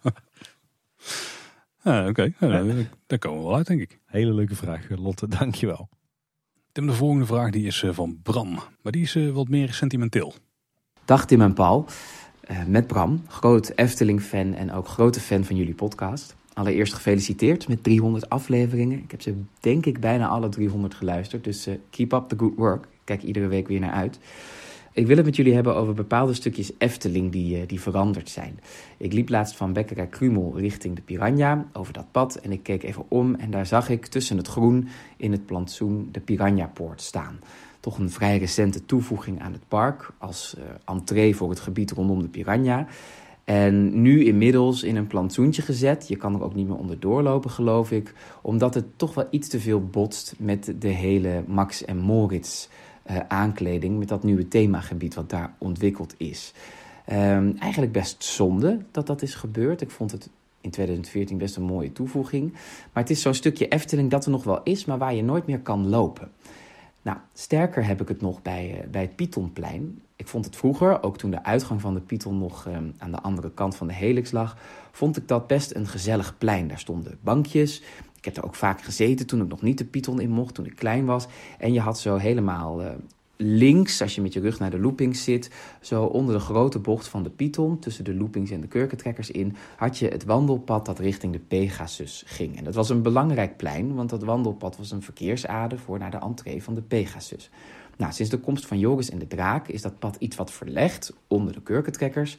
En is eigenlijk een groot deel van waar je vroeger kon lopen achter een hek gekomen als entree naar Villa Pardoes. En ik vind dat een beetje een, een, een dood punt geworden in de Efteling nog steeds een belangrijke verkeersader voor naar Joris en de Draak, maar er gebeurt daar niet zoveel. En vroeger vond ik het echt mooi dat je zo echt onder de baan kon doorlopen. Dat kan natuurlijk nu nog steeds. Um, maar ik vind dat dat niet per se de situatie ten goede is gekomen daar. Nou, een derde plek waar ik het het meeste heb, waarvan ik denk, oh, was het vroeger niet beter, is uh, vrij recent gebeurd met het verplaatsen van de soldatenpoort. Ik vind dat echt een uh, grote ingreep in het park en in de looproute van het Sprookjesbos. Je gaat er nu in en je moet er helemaal doorheen voordat je er weer uit kan. Ik mis ook wel sluippaadjes af en toe. Maar vroeger hoorde het voor mij er echt bij dat ik over het spoor ging en dan gelijk links het Sprookjesbos in. En dat de dag begon met de rode schoentjes. En nu de ingang is verplaatst, is dat stukje jeugdsentiment weg. En staan er lage struikjes, alsof het nooit anders geweest is. Ik hoop heel erg dat de Efteling ook dat pad weer terug gaat leggen als het hele hotel klaar is. Nou ja, dit waren een aantal voorbeelden van plekken in de Efteling waar je nog kan komen, die er ook nog wel zijn, maar die anders zijn aangeplant, waarbij het pad is verlegd, waardoor je eigenlijk pas toen je ja, niet meer kon komen, dat je er bewust van werd. Ach, dat zag er best wel tof uit. En ik ben nu natuurlijk benieuwd wat voor plekken jullie kunnen bedenken in dit kader. Hebben jullie ook plekken waarvan jullie denken, nou, dat had anders aangelegd mogen zijn of vroeger was het beter? Niet alles, maar sommige dingen wel. Goed, een heel verhaal. Ik hoop dat jullie uh, er wat mee kunnen. Heb een goede 300ste aflevering en uh, tot de volgende keer. Nou Bram, voordat we de vraag beantwoorden, je moet echt iets met je stem gaan doen. Joh. Je, kan echt goed vertellen. Ja, goede stem. Dan moet je eens ja. een podcast mee gaan maken. Ja, bijvoorbeeld. Het zijn er van die plekken die je mist, Tim. Komt er wel eentje bij me op ja, als ik dit verhaal zo hoor. Nou, kom maar op dan. Vroeger, vroeger. Want, want jij bent toch van ons twee degene die het meest vooruitstrevend is, zou je zeggen. Nou, ik ga even de situatie schetsen. Vroeger, um, je staat bij de ingang van het spookslot. En je draait jezelf om. Dus je loopt weg van het spookslot met je rug naar het spookslot toe. En dan uh, loop je ongeveer op de plek waar nu dan die, die poort staat naar uh, de Padoespromenade.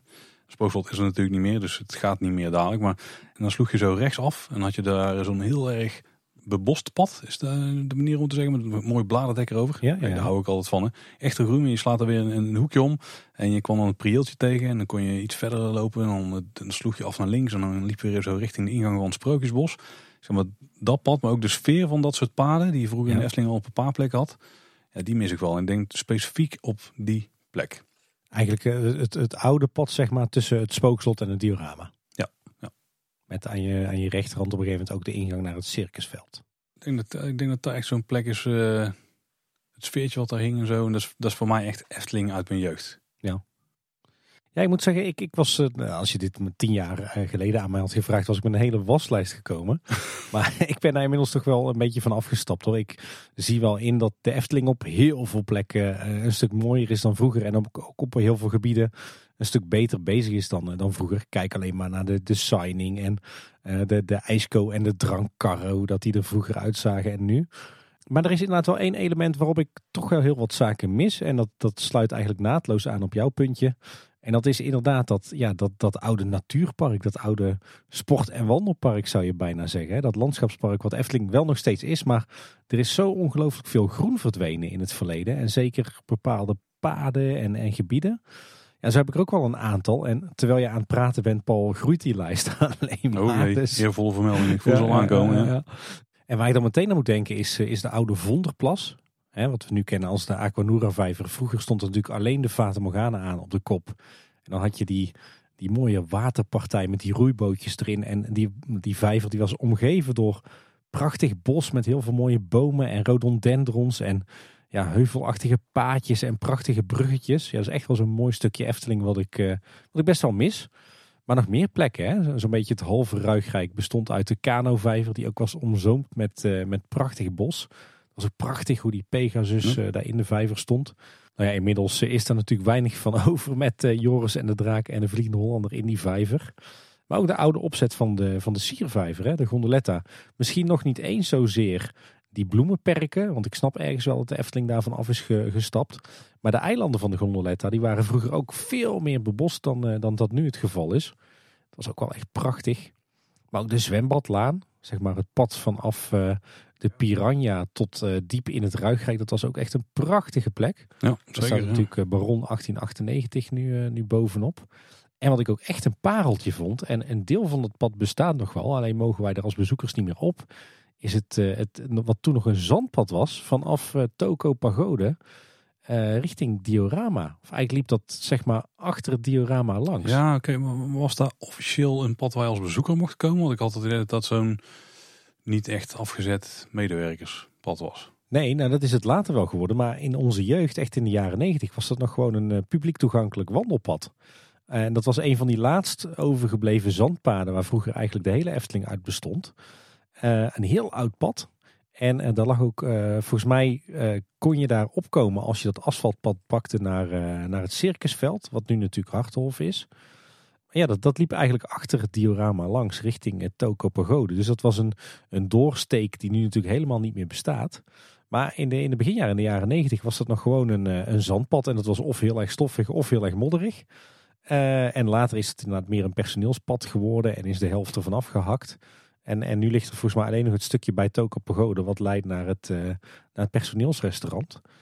Daar zijn we de laatste keer overheen gelopen. Volgens mij toen wij de, de, aflevering achter de schermen bij de pagode opnamen. En ik moet zeggen, dat pad voelt nog wel echt nog steeds als dat zandpad hoe dat ooit was. Dus dat is ook wel echt zo'n plekje in Efteling. Ja, en ik moet zeggen ook al sommige stukjes in het Sprookjesbos. Uh, het Sprookjesbos was vroeger natuurlijk heel dicht bebost. En eh, het is goed dat ze daar die enorme snoeibeurt hebben, hebben uitgevoerd. Waardoor er nu ook veel meer begroeiing eh, op de grond is. Maar er zijn toch wel bepaalde plekjes waar, waar nu wel heel weinig groen is en heel veel bebouwing is. Denk bijvoorbeeld aan dat, uh, dat hoekje waar we nu Pinocchio vinden. Dat was vroeger een prachtig groen plekje met kapitein Gijs in de Noordpool. Ja, zo zijn er toch uit het, het, eerste deel van het bos best wel veel ja, van die mooie groene plekjes verdwenen. Ze hebben het langzaam maar zeker helemaal volgebouwd. En, het, het, kan nog net, maar ik mis wel dat, dat, dat hele dicht begroeide groene sprookjesbos soms. Ook bijvoorbeeld bij het Herautenplein. Er is natuurlijk ook aan alle kanten allerlei bebouwing aan toegevoegd. Dus ja, ik denk als je, als je vraagt van joh, wat was vroeger in Efteling beter dan nu? Dan zit hem dat met name toch al in, uh, in het groen, in het landschapspark. Ja, we kunnen elkaar daar de hand schudden, Tim. Tim, we gaan eens door naar uh, een collega-podcaster. Vincent van de Bonte Babbelaars heeft ons ook een vraag gesteld. Kijk, daar zijn wij toch wel fan van. Eigenlijk heeft hij zelfs twee vragen gesteld, zoals het een uh, goede podcaster beaamt. Dag Paul, dag Tim. Vincent hier vanuit de studio van de Bonte Babbelaars. Ik wil de heren eerst en vooral feliciteren met al 300 afleveringen van Kleine Boodschap inmiddels. Ik luister al jaren met heel veel plezier naar jullie podcast. Ik denk dat Mark en ik bij de opening van het Grand Hotel en Dans Macabre nog niet eens op de helft zitten van zo'n afleveringaantal. Dus heel veel respect. Ik heb twee vragen voor jullie. Een Efteling gerelateerde vraag en een niet Efteling gerelateerde vraag. Laat ik maar met de Efteling gerelateerde vraag beginnen. Deze gaat als volgt. Welke attractie die niet in de Efteling staat, voelt desondanks voor jullie heel erg Eftelings? Deze attractie kan van alles zijn. Elk type attractie, operationeel of reeds afgebroken, maakt niet uit, maar welke pakt heel goed dat Eftelingse gevoel? Mijn tweede vraag voor jullie is iets simpeler en persoonlijker. Wat is jullie favoriete muziekalbum? Dat was het weer van mij. Ik wens jullie en de luisteraars van Kleine Boodschap nog een hele fijne dag en ontzettend veel luisterplezier. Ik hef mijn schrobbelair op nog 300 afleveringen Kleine Boodschap, waar jullie het hopelijk niet zo bond maken als wij. Doei doei. Oeh, nou, die eerste vraag die uh, laat ik uh, om te beginnen aan jou over, want ik uh, moet er nog eens goed over nadenken. Ja, dat zijn pit, pittige vragen van onze collega Vincent. Um, poeh, niet Efteling attracties die goed in de Efteling zouden passen of die Eftelings genoeg zijn. Hmm. Ja, ja, je weet Paul, ik heb een voorliefde voor drop towers. Tower of Terror zou volgens mij zo in de Efteling kunnen. Ja, qua thema niet echt, denk ja, ik. Misschien dan niet echt met een Amerikaans thema, maar goed, je zou je ook zomaar een, een vervallen Nederlands Jugendstil hotel kunnen voorstellen. Ja, maar dat is niet wat die attractie is. Hè. Hij is van zichzelf niet Efteling genoeg. Ja. Niveau haalt het zeker, maar dat is wel heel veel wat bij Disney staat natuurlijk. Maar past het ook echt in de Efteling? Hmm. Ja, maar de Efteling, de Efteling-stijl is zo specifiek. Wanneer past het überhaupt wel in de Efteling? Ja, dat maakt deze vraag zo interessant Ja, dat is natuurlijk. Ik zat nog te denken aan Mystery Castle. Maar ja, dat, dan, dan moet wel echt nog een Efteling sausje over. Ja, wil dat nee, in de dat- Efteling had het ook net niet, nee. Phantom Manor. Ja, Ja, komt wel in de ja, buurt. hè? zou zo kunnen, ja. Mystic Manor misschien wel nog beter. Nou, nee, dat voelt iets te veel Disney dan, hè? Vindt Phantom Manor dan minder Disney, Disney-esque dan Mystic Manor? Karakters van Phantom zijn net iets te Disney, ja. ja. Nou, eh, weet je wat ik dan wel durf te zeggen? Ik denk eh, Hotel Tartuffe uit Fantasialand. Zo'n cakewolk met Jugendstil thema. Misschien Mouse en Chocola ook wel. Ja, net iets te cartoony, denk ik. Ja, het is lastig, hè? Het is inderdaad lastig, ja. Ik zat zelf... De, de roetsjebaan uit eh, Tivoli Gardens. nou ja, zou zomaar kunnen. Ja, Zo'n Black Mamba of zo misschien te denken. Alleen de manier waarop die in het park is weggezet niet, maar... Afrikaans thema is toch niks voor de Efteling? Ja, weet het niet, hè. Wel, Oosters past ook altijd best goed. Ja. Maar het, ja, hmm. het is een lastige vraag, joh. Ja. Nou, ze hebben wel een hele mooie Starflyer in Tivoli Gardens, zit ik me te bedenken. Ja, met die, eh, met die cocktailprikker bovenop. Ja. Holland Drama uit het Openluchtmuseum. Daar zou je een leuke spookattractie mee kunnen maken. Ja, nu in de huidige staat. Pirates, zou de, de- kijk, het is wel zo dat de, de attracties met, met animatronics met meer realistisch ogend uiterlijk past al snel wat meer dan wat meer cartoony zaken natuurlijk. Pirates zou dat betreft kunnen. Ja, ik heb ook aan Pirates zitten denken, maar ik vind het piratenthema zo afgezaagd. Misschien die nieuwe Pirates, wel heel veel, eh, heel, veel- schermen, maar en dit is misschien wel heel gek. Misschien zou Big Thunder Mountain nog wel aardig passen. Het cowboy thema is ook wel redelijk afgezaagd, toch? Ja, maar qua vormgeving en zo. En het is wel dat een beetje stoffige vervallen. Om het een beetje slecht, slecht Eftelings uit te drukken. Wat, dacht je van, eh, van de, de Discovery Club in Hellendoorn? Dat zegt me niet eens iets, Tim. Dat is een eh, shooter in een, eh, ja, een soort vervallen villa. Die is volgestouwd met allerlei artefacten. Hmm. Beetje de Hellendoorn variant van Mystic Manor misschien. Misschien, ja, misschien is het toch wel de beste vrij opzichtige. Maar ik denk dan toch dat ik naar het Hogsmeade themagebied ga in, in Islands of Adventure van Universal. Dus het Harry Potter themagebied daar. Het is misschien allemaal net iets te, te scheef en overdreven. Maar er ligt wel zo'n zo'n oppervlakkig dikke sausje overheen. Wat dan weer enigszins piekig is. En de mate van detaillering, die is zeker wel op Efteling niveau. Ja, het is toch allemaal net niet, maar het komt nog wel enigszins in de buurt, denk ik. Ja, ik denk dat ik daar maar gewoon voor ga. Ik vond mijn antwoord beter. Mystery Castle. niet, niet echt, Het is lastig. Ik denk dat we vooral blij moeten zijn dat de Efteling gewoon eh, zo'n unieke stijl heeft. Ja, dat de Efteling gewoon zo onderscheidend is dat je er niet zo één op één eh, attractie in kunt pleppen. Ik ben hier ook wel heel benieuwd trouwens, wat luisteraars, die zitten waarschijnlijk te roepen. En dit dan en dat dan daar. Dus eh, laat ik zeker de aan ons weten, want ik ben eigenlijk wel benieuwd wat we gruwelijk over het hoofd hebben gezien. Want dat moet er zijn. Nou, ze schijnen wel een paar leuke invuls te bouwen in Toverland. Gaat hij daar weer over hebben? Dat is al weken geleden, Tim, dat we het daarover hebben gehad. Eh had ook nog een tweede vraag, Tim. Ons favoriete muziekalbum. Ik kan je vrij hard garanderen dat we hier niet hetzelfde antwoord hebben. Maar eh, ik, ik had, want het, natuurlijk doen wij een klein beetje aan voorbereiding. Het hoeft dus niet per se een Efteling muziekalbum te zijn dan. Nee, nee, dit mag eh, alle kanten op gaan. Jeetje. Ja, nee, ik heb er ook wel een klein stukje introductie bij. Want ik luister eigenlijk zelden complete albums. Want dat vond ik wel een soort van vereist aan deze vraag. Dat het een, een album is wat je ook zeg maar als album luistert. Of hij misschien heel vaak hele sets nummers uitpikt om te luisteren. Want ja, ik heb ook wel nummers die ik veel luister. En die staan dan toevallig op een album. En daarmee luister ik de album dan vaak. Maar ik luister ze dan niet om het album. Ik luister ze dan om individuele nummers. Dus dat maakt hem al wat lastiger. Had jij wel iets wat eruit sprong? Ja, de pest is dat ik, eh, dat ik eigenlijk de laatste jaren amper meer muziek luister. Ik luister vooral eh, of podcasts of eh, pretpark, themapark muziek. Met name Efteling muziek. Laatste album van K3 of zo. Dat is vaak op staat bij jullie, denk Die ik. staat wel vaak op, ja. Ja, nee, ja. eh, nou, poeh, eh, dan moet ik echt wel een beetje... Nou, tuurlijk luister thuis wel muziek. Eh, op dit moment is Suzanne Freek erg populair bij de kids. Ik moet zeggen dat ik die zelf toch ook wel heel erg lekker weg vind luisteren. Ben ik altijd wel groot fan, fan geweest van Crasip. Ik moet zeggen, ook, ook altijd wel fan geweest van Caro Emerald. Nou ja, die stopt er natuurlijk mee, dus dat ook niks. Stop je Eh, ermee? Ja, ja, ja. Caro Emerald stopt met haar personage. Die gaat wel door met muziek maken, maar niet meer als Caro Emerald. Oh, oké. Was mij niet bekend. Oké. En, en eh, trouwens, haar, eh, haar Zweedse evenknie, Amanda Jensen, die maakt trouwens ook hele mooie muziek. Of maakte, want volgens mij is die ook al gestopt. Blijft niet veel over. En symphonic metal heb ik wel lange tijd leuk gevonden, maar dat kakt ook al een beetje in. En heb ik een voorliefde voor gehad voor Lacuna Coil. Een hele schimmige Italiaanse band. Maar poeh, het is voor mij zo lang geleden dat ik echt gewoon muziek heb geluisterd. Ja, dan, dan neig ik toch echt inderdaad naar een Suzanne en Freek of een eh, Chef Special of zo. En als het niet recent is, heb je iets eh, van, eh, van lang geleden dat heel lang jouw favoriete album is geweest of zo? Ja, dan kom je toch echt wel uit bij een Cresip, een Caro Emerald en Lacuna Coil, zo'n beetje. Lacuna Coil? Ja, ja je moet maar eens op YouTube zoeken. Oké, ik ga mijn best doen. Ik had hier ook wel moeite mee. Eh, met name vanwege het verhaal wat ik dus net vertelde. Ik, ik luister wel vrij veel muziek, maar allemaal individuele nummers. En ik denk dat als je me dit jaren geleden had gevraagd, dan had ik misschien wel, ja, niet schrikken Tim, een Counting Crows album genoemd. De, de, de, echt, daar ben ik gewoon, is er bij mij ingeramd door collega's. We hadden een paar albums en die stonden op repeat op. En eh, in het begin vond ik echt helemaal niks, maar ik ben daar eh, wel vrij uit gaan waarderen. En ik denk dat als ik daar eentje van zou moeten kiezen, zou het Across a Wire zijn. Dat is een live album. En dan volgens mij mijn hoofd tweede cd. Wat de registratie van een concert waarbij ze beginnen met alleen één gitaar. En dan spelen ze een, eh, een alternatieve versie van een nummer. Dat deden ze heel vaak. En dan bouwen ze steeds op. En volgens mij na een nummer of zes zijn ze pas compleet als band. En dan eh, zit er ook een van de, nou ja, wat mij betreft, beste registraties van hun nummers in. Met Long December. Maar dat, dat, zeiden, dat was, lang geleden geweest.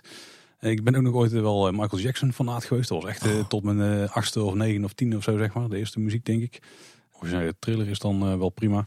En maar ik denk dat als ik nu ga kijken, dat er eigenlijk maar één album is wat ik echt regelmatig nog opzet. En dan gewoon vooraan beginnen het helemaal doorluister. En hier heb je nog nooit van gehoord, Tim. Tenzij je af en toe wat techvideo's kijkt op YouTube. Want ik valt me op dat die muziek daar vaak in terugkomt. En ik heb moeten opzoeken hoe je dit uitspreekt. Want ik wist het eigenlijk gewoon niet. Want het is een Franse eh, artiest. Ik heb het even moeten opzoeken, Tim. Maar het album heet Soixante-treize Touches. Want het is Frans, dus gewoon, als je het in het Engels zegt, dan kan ook. 73 Touches. Of 73 Touches, weet ik veel wat. Aanrakingen. Van, eh, van een artiestnaam is iets makkelijker. Van Hocus Pocus. Eh, wat een klein Frans hip-hop collectief is, mag je dat zo noemen. Die heel erg eh, instrumentele hip-hop maken.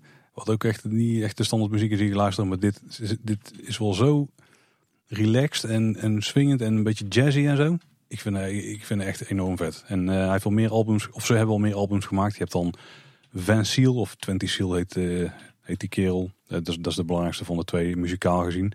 Die eh, is sowieso vrij geniaal wat mij betreft. Daar kan ik regelmatig van genieten. Als ik denk, ik weet even niet wat ik moet opzetten, zet ik daar gewoon op en dan is het altijd goed. Ik moet zeggen, aan aanleiding van deze vraag moet ik er echt wel iets mee gaan doen hoor. Want ik, ik ga altijd graag naar concerten. Ga vooral graag naar muziekfestivals. We hebben echt een enorme kast met alleen maar cd's staan thuis. Maar ik kom gewoon niet meer toe aan muziek luisteren. Omdat ik alleen maar met podcasts van anderen bezig ben.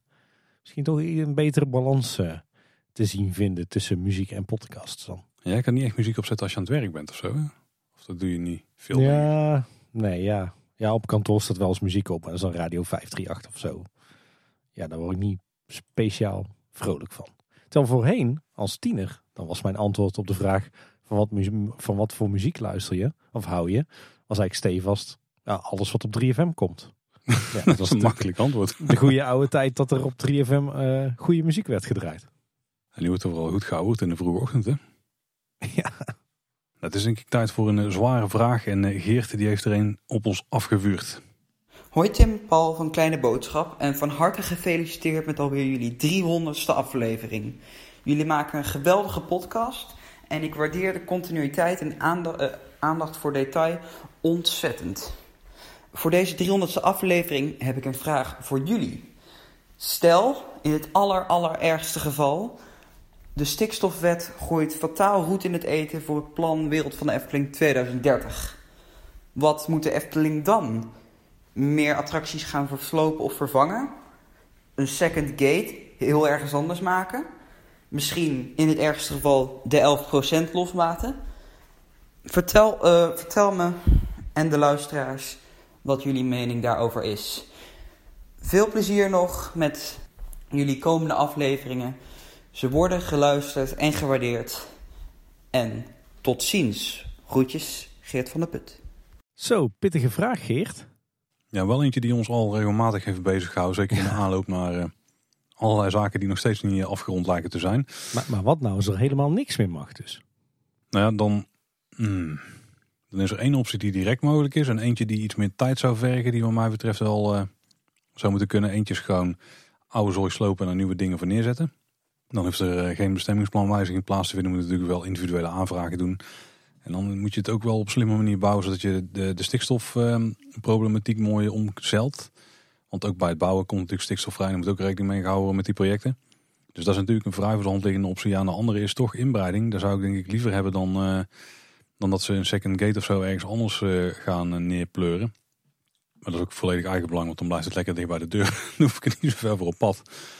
Maar ik denk dat ze dan toch een poging moeten doen om die 11% op te rekken naar 12 en gewoon heel de speelwaarde eraan laten gaan. Met nog een enkele andere plek in het park.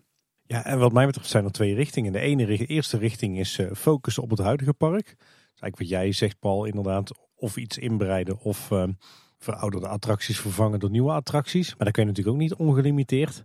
Ja, en de andere optie, als je helemaal vast zit in Kaatsheuvel, ja, die is wat mij betreft dan toch op een andere locatie een tweede Efteling bouwen. En misschien wordt het dan wel helemaal geen Efteling en heet het ook geen Efteling.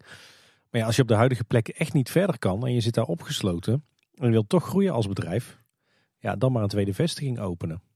En dat kan dan volledig uh, uit de grond gestampt vanaf nul. Maar dat is natuurlijk financieel best lastig. Je kan er dan ook aan denken dat ze toch ergens een park overnemen en daar langzaam maar zeker het Efteling sausje overheen gaan gieten. Als ze nog inspiratie nodig hebben, dan moeten ze deze aflevering een paar minuten terugspoelen. Maar, maar laten we inderdaad hopen dat het niet nodig is hoor. Want ik, ik hoop dat ze echt uh, nog flink kunnen uitbreiden en groeien op de huidige locatie. Nou, dat sowieso. Mijn voorkeur zou dus wel zeker liggen bij, als het nodig is, uh, blijf op deze locatie. Ook omdat het iets minder risicovol is. Want uh, het Land van Nooit heeft ook geprobeerd ooit een tweede locatie te openen. Wat uiteindelijk het fineste, wat uiteindelijk finest was voor de originele locatie. En ik hoop niet dat zoiets bij de Efteling zou gaan gebeuren. Want het risico wordt wel groter natuurlijk. Ergens anders beginnen is gewoon een risico, uh, risicovolle onderneming. Ja, de Efteling heeft natuurlijk in de loop der tijden, zeker de afgelopen decennia, natuurlijk ook vaak zat geprobeerd. Hè, of in ieder geval onderzocht of ze op een andere plek nog een Efteling zouden kunnen openen. En dat is natuurlijk iedere keer gestrand. Ook omdat de Efteling-organisatie zelf iedere keer van gedachten wijzigt. Maar het grappige is wel, als je een aantal interviews uh, terugluistert met oud-Eftelingers of met experts uit, uh, uit de sector. En je vraagt hen om advies voor de toekomst van de Efteling. Dat toch heel wat mensen zeggen van, uh, joh, de Efteling moet toch eens gaan kijken of ze niet, niet onderhand aan de grenzen van de groei zit op deze locatie en elders verder moeten. Maar kun jij een succesvol project, wat vanaf nul af aan uit de grond gestampt, in korte tijd al op enige schaal noemen wat echt succesvol is? Wie doet Nou, dat, is, dat is ook vrij klein begonnen, hè, met één show. En vanuit ja. daar een heel park geworden. Je hebt heel veel van die projecten, van die Paramount Parks en uh, weet ik veel wat. Dus dat, in mijn ogen is het altijd gedoemd om te mislukken. Ik zie niet, ja, ik vraag me af, in Limburg is ook zo'n project uh, ooit geweest, ja. Ja, Disneyland Parijs is natuurlijk een heel goed voorbeeld, wat natuurlijk ook een financieel drama is. Ja, Disney in China lijkt ze het wel vrij goed te hebben gedaan met het park daar. Ja, maar er zit misschien heel veel kapitaal achter. Ja, maar in, in, in China worden sowieso heel veel van die parken uit de grond gestampt. Nou, heel Dubai en Abu Dhabi zijn goede voorbeelden, denk ik. Megaparken de grond uitgestampt, maar geen één is echt een succes. nee. Al die experts roepen het wel, waarschijnlijk omdat er dan enorm veel geld te verdienen is met allerlei ja, consultancywerk en Adviesbureautjes, ja. Maar ik vraag me af of het echt de, de way to go is, hoor. Ja, misschien dan toch overname inderdaad van een vergelijkbaar park. Ik denk dat dat minder risicovol is dan uh, zelf iets uit de grond proberen te stampen. Maar dan moet het inderdaad geen Walibi Holland zijn of zo, wat ze overnemen. Nee, nee, nee. Ik denk, ik denk dat het het type park wat er wel bij past, dat we net al een mooie een soort lijstje ja. randvoorwaarden voor hebben geschetst. Natuurlijk wat Plopsa eigenlijk ook doet, hè. Die nemen ook niet ieder park over. Die, die zijn er ook wel redelijk kritisch in. Nee, en die, die bouwen al heel af en toe nog wel iets nieuws, maar dan is het wel iets kleins zoals ja. een halve zwembad of zo. Die zijn, uh, nou zijn ze in Polen zijn ze wel één nieuw park begonnen volgens mij. Dat is ook zo'n zo'n overdekte Maya-land? Ah ja, zo kunnen, ja, dat klopt trouwens. Ja. Nou, dat is niet onze tak van sport. Dus er zijn mogelijkheden hier, maar wij gaan er niet vanuit dat het nodig is. En we hopen het vooral ook niet. Nee, dat wordt uh, verhuizen dan, uh, Paul. Nooit! nee, dat weet ik niet. Maar ik hoop dat ze hier gewoon blijven zitten. We hebben nog een paar te gaan, Tim. Dan uh, gaan we naar de vraag van uh, Vigo. Hoi Tim en Paul, Vigo hier. De vraag die ik jullie eigenlijk al tijdens Kleine Boodschap in het theater wilde stellen, maar dus nu even hier doe is... Wat zouden jullie nu eigenlijk willen veranderen nog aan de Efteling? Attractie, horecapuntje, laat maar weten. Groetjes! Kijk, ik ben meteen weer uh, helemaal wakker uh, dankzij Vigo. Ik dacht dat de aflevering er bijna op zat, maar ja. we hebben nog even te gaan. Um, goh. Ja, uiteindelijk heel veel hè. Je de vraag, wat zou jij doen als jij een dag directeur bij de Efteling was? Ja, waarschijnlijk helemaal niks. Want Waarschijnlijk zou ik er gewoon frieten bakken bij de smulpaap of zo. en Want dat dag doe je niet veel. zie ik Fons ook vaak doen. Eh, zo. Ja, er zijn vrij veel dingen die ik eh, zou veranderen. Ik denk, denk dat ik, als ik een paar dingen zou mogen veranderen, dan we kunnen allemaal grote fantasieattracties en zo neerzetten. En ik heb ook wel eh, een paar dingen die ik nou ga noemen die absoluut niet heel realistisch zijn, denk ik. Maar ik denk dat ik vooral een kleine fondsje zou maken. Ha, met geld. Om, eh, Jongen, jongen, jongen. om een paar attracties een flinke plusbeurt te geven. Ook al regelmatig over gehad met de Vliegende Hollander staat dan eh, hoog op die lijst. Vogelrok staat hoog op die lijst. Eh, Piranha is nog wel iets mee te doen. En meer thema bij, de, bij Joris en de Draak. En ik denk dat we dan een heel mooi setje attracties hebben die van... Ja, van de attracties die, die ze nu zijn, die gewoon van aardig niveau zijn, dat ze echt naar wereldniveau kunnen gaan. Ja, ja, dit is altijd lastig. Hè? Dit is een beetje luchtfietsen hè? of blue sky imagineering. Wat zou jij veranderen aan de Efteling als jij het mocht zeggen? Zeker. We hebben natuurlijk niet, eh, niet de handicap dat het ook financieel haalbaar moet zijn. Nou, kijk, weet je wat het is wat ik net roep? Er zijn gewoon stomme investeringen. Want er komen niet superveel meer mensen door je park. Ja. Alleen het park in het algemeen wordt een veel beter product. Maar de vraag is dat dan de investering eh, eh, gunstig staat tegenover bijvoorbeeld de beoordelingen. Ik denk dat het vrij beperkt is. Nou, wel als ik pretparkprofs mag geloven, dan eh, is het een hele goede investering. Dus je moet het maar wel gewoon doen. Maar bij de meeste commerciële afdelingen wordt het toch een lastig verhaal. Denk ik. Ja, precies. Zal ik eens losgaan? Nou, ga maar eens los. Wat staat er op mijn eh, verlanglijstje? Nou, laten we dan beginnen met de investeringen. Ik zeg, doe maar een droptoren. Een flying coaster of een hypercoaster. deels overdekte lokvloem. Maar, maar sowieso, het lijkt me goed om eindelijk eens eh, Grand Circus Balancé te gaan bouwen. Als themagebied met lekker veel infills rondomheen. Lijkt me, lijkt me een goed plan. Eh, laten we Uitrijk eens gaan ontwikkelen. Ook wel een, eh, een wens die vaker terugkomt. De Vliegende Hollander een make-over geven. Meer thema, nieuwe baan, nieuwe bootjes. daar hebben we natuurlijk ook aardig wat, wat beeld bij, denk ik, hoe het zou kunnen, kunnen zijn. De wachtrijen en de opstaphallen van Droomvlucht en Fata Morgana een flinke beurt geven. Oeh, ja, graag. Ja. Eh, meer groen, veel meer groen in het park. Ja, dan Eh. niet de verf, denk ik. Hè? Nee, Oh.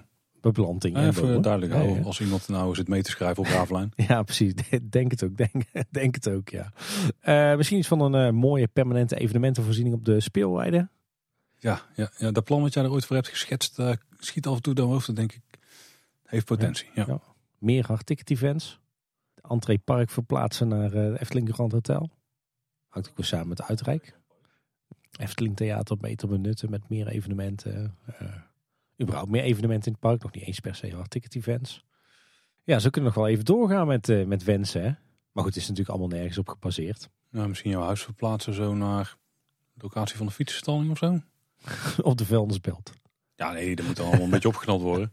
Nou, ze gaan op de hoek van de Braakakker en de Kinkerpolder huizen bouwen, toch? Dus Ja, dat is net te ver weg. Hè. En als de poort dan dicht is, dan kun je er niet meer erin. Ja. Gewoon op het Efteling-terrein, dat zou ook chill zijn. een soort eh, portierswoning of zo. Oh ja, dat mag ook, ja, dat mag ook tijdelijk zijn, hè, dat we Ja. beide sleutel hebben. Ja. Ja. Dus eh, Vigo, je hoort het wel eh, meer dan genoeg ideeën. Maar lang niet allemaal even financieel haalbaar, denk ik.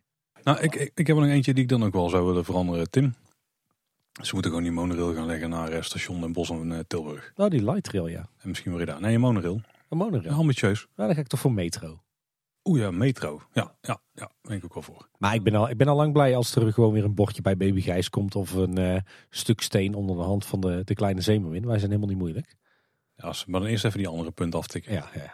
En hij dus zegt trouwens, ik zou wel beter transport in het park zou ik, eh, of bruikbaar transport in het park, of misschien meer, zou ik ook wel zien zitten. En dan niet dus een monorail of zo, want dat is, dat is vaak wat je ziet bij andere parken. zou echt niet passen in de Efteling, in ieder geval niet binnen het park. Een trammetje.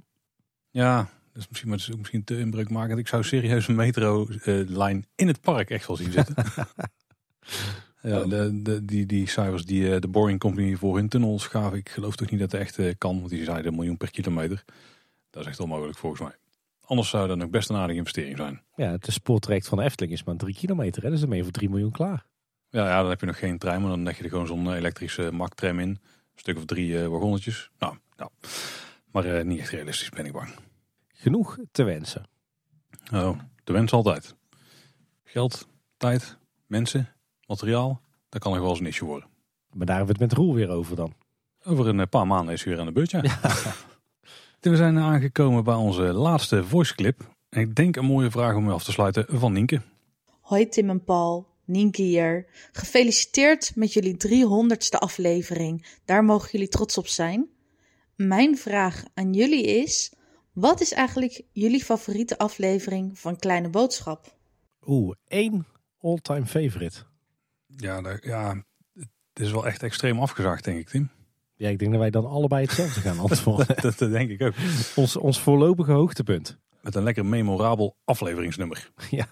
282. 82, ja. Kleine boodschap. In het theater. En ik vermoed dat dit een soort trend is die de komende jaren hopelijk nog door blijft gaan. Maar dat het de laatste live show, zeg maar, de grootste aangepakte live show, toch wel dan direct een, ja, zichzelf vestigt als eh, ja, de favoriete aflevering. Ja, ja en, en misschien nog niet eens qua, qua opname aan zich of qua inhoud aan zich. Maar gewoon, ik denk de combinatie van en met 250 luisteraars in een zaal zitten en met twee hele interessante gasten vanuit de Efteling. En ook al het werk wat er in die organisatie ervan is gaan zitten. Al die hulp die we hebben gekregen van de redactie en de vrienden van de show. Ja, dat maakt het tot zoveel meer dan een aflevering. Nou, Niels Kooijman heeft natuurlijk een prachtige documentaire gemaakt. Prachtige foto's van Chris van der Zanden. Ja, dat was gewoon echt eh, voor ons een, eh, een prachtig feestje. En eh, ja, aan de andere kant ook fijn. Hè? Uiteindelijk is het natuurlijk ook gewoon het opnemen van een podcast. Ik vind wel dat we bij onze core business moeten blijven. En vooral niet allerlei gekke dingen moeten gaan doen. Maar eh, ja, nee, dit was toch wel eh, een absoluut hoogtepunt tot nu toe. Ja, dat is zeker. Ja, en zo'n dag wordt wel echt gemaakt door het feit dat de luisteraars, dat jullie er allemaal bij zijn. En ook zeker het eh, napraten naar de rand. Ja. Dat, dat maakt zo'n dag wel echt af en groter, veel groter dan een standaard aflevering. Ja. Dus ja, da- daardoor zijn ze vrij memorabel en daarmee onze favoriete aflevering. Ja, en verder moet ik zeggen, stel dat je die aflevering buiten beschouwing zou moeten laten. Ja, we hebben zo ontzettend veel leuke afleveringen gemaakt. Het komt eigenlijk zelden of nooit voor dat we achteraf denken van, nou, dit was saai of we zijn ontevreden met het resultaat. Het is eigenlijk altijd leuker dan dat we van tevoren hebben, eh, hadden verwacht. Ja, daar zeggen we wel vaak tegen elkaar. Ja. En, vaak ja. komt er ook veel meer uit, zeg maar, aan nieuwe kennis of nieuwe inzichten of nieuwe anekdotes of linkjes die je kan leggen, dan dat je van tevoren had, had, had durven dromen. Kortom, het is nog steeds heel leuk voor ons om dit, eh, dit te mogen maken. Er waren een hoop toffe vragen, Tim. Ja, echt een superleuke manier om onze 300ste aflevering mee te vieren. Met zo ontzettend veel bijdragers vanuit, eh, vanuit jullie, onze luisteraars. Ja, zeker. Ik eh, moet zeggen, er zaten echt eh, interessante vragen waar ik toch echt wel even over na moest denken. Ja, dat is niet voor niks dat we van tevoren alvast even wat voorstudie hadden uitgevoerd. Hè? Nou, het is natuurlijk wel hulde aan de luisteraars, want ehm, we hebben eigenlijk gewoon alle voice clips die we hebben gekregen, die hebben we meegenomen. En de kwaliteit is ook echt enorm hoog. Ja, en eh, lekker veel diversiteit qua eh, onderwerpen en soorten vragen. Super tof. Ja, zeker. Hartstikke bedankt voor het eh, insturen wederom, zoals altijd.